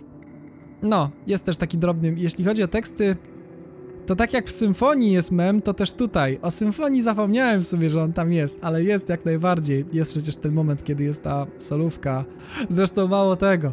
Ta solówka Seby, która tam jest, e, ja z niej musiałem wyciąć fragment, żeby w ogóle wstawić tam takie e, takie nice e, w pewnym momencie. Tutaj tak samo też jest e, inside joke, który też uważam, że akurat całkiem się udał w tym ferworze głosów w jednym miejscu, gdzie wchodzi clean na main riffie i wchodzi właśnie taka, taki łusz głosów, mnóstwo głosów nagle się pojawia, jest jeden z nich, który wziąłem na podstawie historii mojego znajomego po pewnej psychodelicznej substancji, kiedy zaczął nam opowiadać, widział chyba, jak to on mówił, że tam otaczał go chór otacza mnie chór ser serdelkowych czy tam sardynkowych e, delfinów i wszystkie śpiewają jak jeden głos kasztany prima sort, kasztany prima sort. I stamtąd stwierdziłem, że Jezu, jak zrobię Beyonda, i to było gdzieś w 2018, gdzieś w środku 2018, czyli jeszcze daleko od tego, to w 2019 przecież dopiero nagrywałem wokale w wakacje. I jakoś wtedy, jak to usłyszałem, to stwierdziłem, to się musi znaleźć na płycie. Nie ma w ogóle innej opcji, to musi być na płycie. Nawet jeśli po prostu minie nie wiadomo ile czasu, to się tam znajdzie. I jak się wsłuchacie, to tam jest. Kasztany Prima Sort. Dziękuję. o, kto wie, ten wie. I na tym pewnie będzie się kończyć niestety wesoła atmosfera tego utworu, bo tekstowo no tak naprawdę to jest taka pierwsza konfrontacja jakby z rzeczywistością głównej postaci i oddaje to również moją właśnie taką konfrontację. Jakby ta droga na wojnę, która jest tam opisana i ta wojna cała, tak naprawdę jest to właśnie, może być to opisywane, odczytywane literalnie, a może być odczytywane właśnie jako tak naprawdę wojna takiego człowieka, zwykłego człowieka z rzeczywistością wokół niego. Każdy z nas przechodzi przez jakiś okres właśnie buntu i każdy z nas również doświadcza porażki w tym buncie, bardzo solidnej najczęściej i uczy się, że właśnie idąc z rzeczywistością na wojnę, jest niestety ogromna szansa, że przerżniemy, przegramy i to sromotnie. I dosłownie ten utwór to opisuje. Opisuje jakby jak ta ambicja popchnęła mnie właśnie do myślenia o różnych rzeczach, do tego, że ja udowodnię to wszystkim, ja wszystkim pokażę. I stawiania świata, ludzi wokół ciebie, albo raczej może nie tak stricte wokół, ale ludzi, innych muzyków, w takiej bardzo antagonistycznej roli wo wobec ciebie, że oni są przeszkodami na drodze, oni są konkurencją, którą musisz pokonać, oni są. It's all competition. Traktowanie tego w ten sposób. I zrozumiałem wtedy, że to nie jest najlepszy pomysł. I to było Beyond dosłownie opowiada o tym starciu. War does not know all the meaning of life, war does not, does not care will the mankind survive. To jest wszystko to i to jest wszystko zrozumienie, że po prostu ta wszelki rodzaj takiej wojny, czy właśnie yy, ze światem poprzez konkurencję jako muzyk, czy oczywiście prawdziwej, tak naprawdę to odziera człowieka z tego, czym jest i sprawia, że człowiek zaczyna nienawidzić siebie, życia. Czuje się ze sobą źle. To było takie właśnie zrozumienie, że nie, tak już nie można. No i dlatego postać na końcu właśnie jest powiedziane, że odpala ostatni strzał w siebie. I jest to być może właśnie. Jest to najprawdopodobniej takie właśnie powiedzenie: ma, mam dość. Odchodzę z tego wszystkiego. I tutaj będziemy przechodzić do Spiders. Jeszcze za założę sobie o instrumentalu powiedzieć trochę. Znowu kolejny staroć i kolejne złoto moim zdaniem. I on ma dosyć dziwną historię. On powstał zainspirowany snem Wacha. Jak jeszcze graliśmy z Wachem, to Wachu miał sen, w którym graliśmy na takiej scenie, wokół której była taka bardzo wysoka łąka i w jego śnie, jak, w miarę jak graliśmy koncert, takie ogromne czarne pająki wydostawały się z ziemi i zaczynały nas otaczać. Na podstawie tego ja stwierdziłem, Jezu, mógłbym zrobić utwór na ten temat. I wydaje mi się, że to jest najcięższy numer na płycie. Tak szczerze, że to jest najcięższy ze wszystkich. Zarazem atmosferą, chociaż może nie atmosferą, ale nie, atmosferą w sumie też. On jest zarazem jednym z naj... jest najcięższy pewnie równie ze sztrągiem atmosferą i brzmieniem właśnie. Bardzo fajny pomysł miał Kredzio na wtrącenie takich trioli na refrenach, gdzie tam jest ta ta ta ta ta ta ta ta tarda tarda tarda tarda tarda tarda tarda tarda. Tu też właśnie jest sporo harmonii wokalnych. Nawet pojawia się w jednym miejscu chyba chór na 136 głosów. Jezus Maria, po co ja to zrobiłem? Czy tam 148, coś takiego. No taka, tak grubo bym powiedział, pojechałem z tym wszystkim, ale warto było. to była taka, to był taki mój śmieszny eksperyment w bycie, robienie rzeczy w stylu właśnie Devina Townsenda. Bardzo też pomogły oczywiście głosy Wiktorii i Adeli. Bardzo dodały i tak naprawdę dzięki nim ten utwór jest tym, czym jest, między innymi. Bardzo fajne też artefakty są od sprzężeń Balcera. te, które on zrobił tam na początku, brzmią trochę jak takie upadające szkło, a mi kojarzące się przez to taki, z takim trochę mindbreakiem też.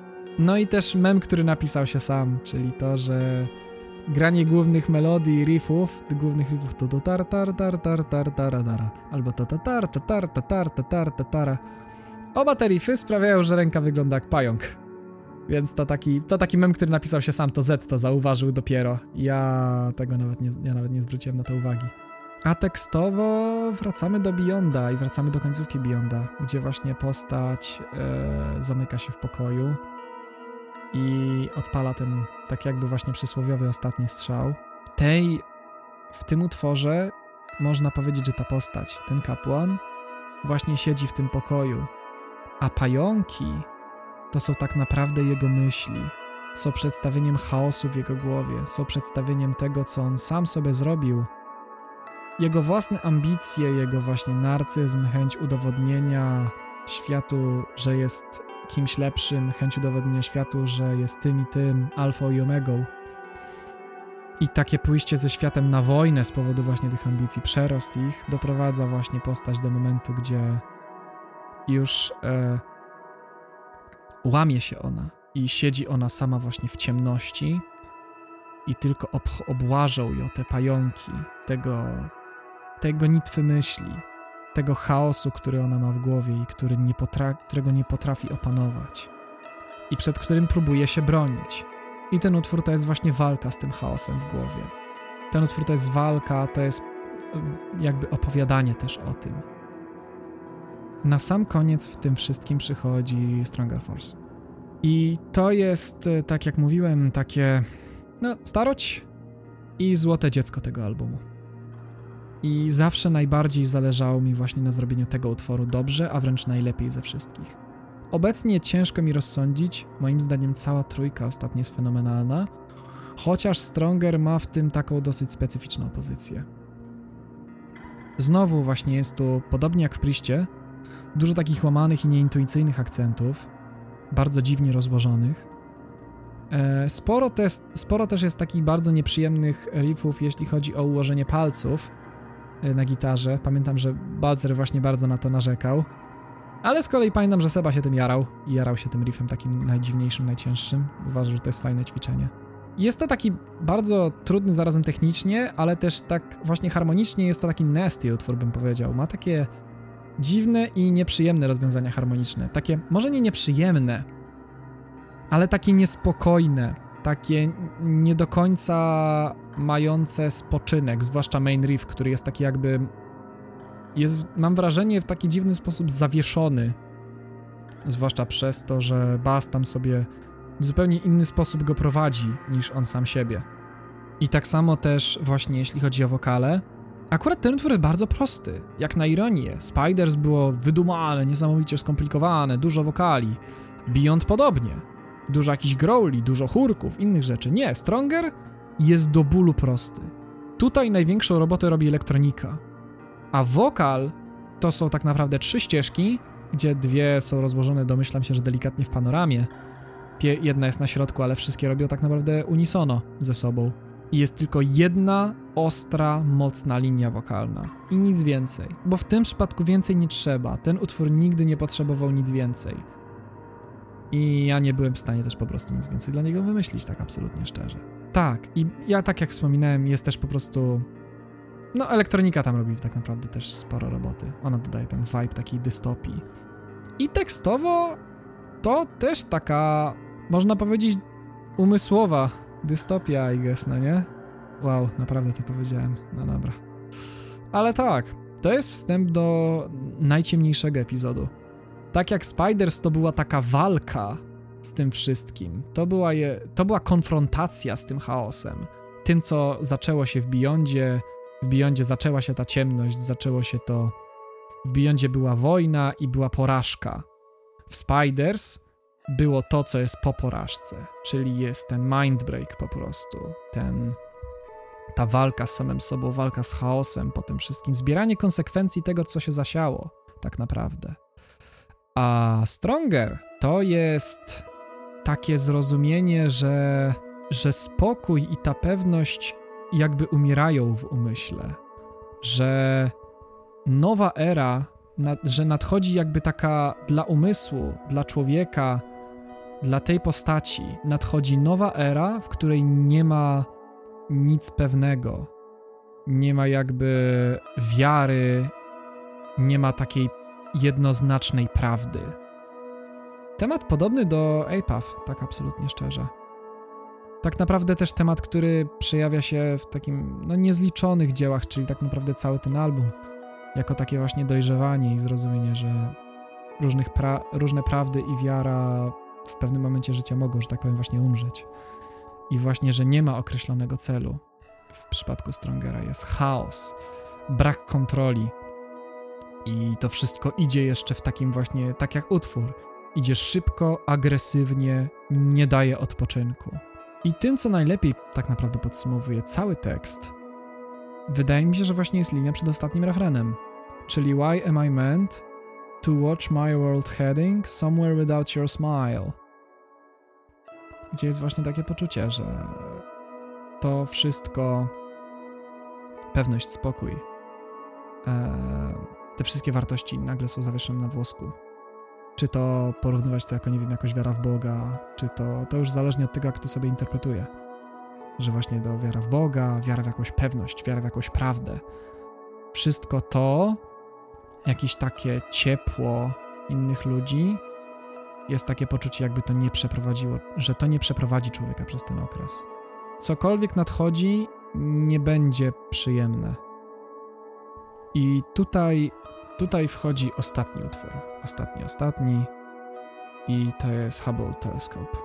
I on to jest taki moment spokoju, ale pośród tej burzy emocji, która jest jakby odczuwalna można powiedzieć tak jakby za horyzontem, ona gdzieś tam jest dalej. Ona czuje się to dalej w tym utworze, że chociaż on jest spokojny i on tak płynie, kojarzy mi się on tak naprawdę no najprościej, jak można powiedzieć, skoro to Hubble Teleskop, no to oczywiście, że będzie kojarzył się właśnie z takim patrzeniem w gwiazdy, z takimi przebłyskami akceptacji być może, ale nie do końca, raczej z takim jednak jest tam ten niepokój to płynie, ale to nie jest.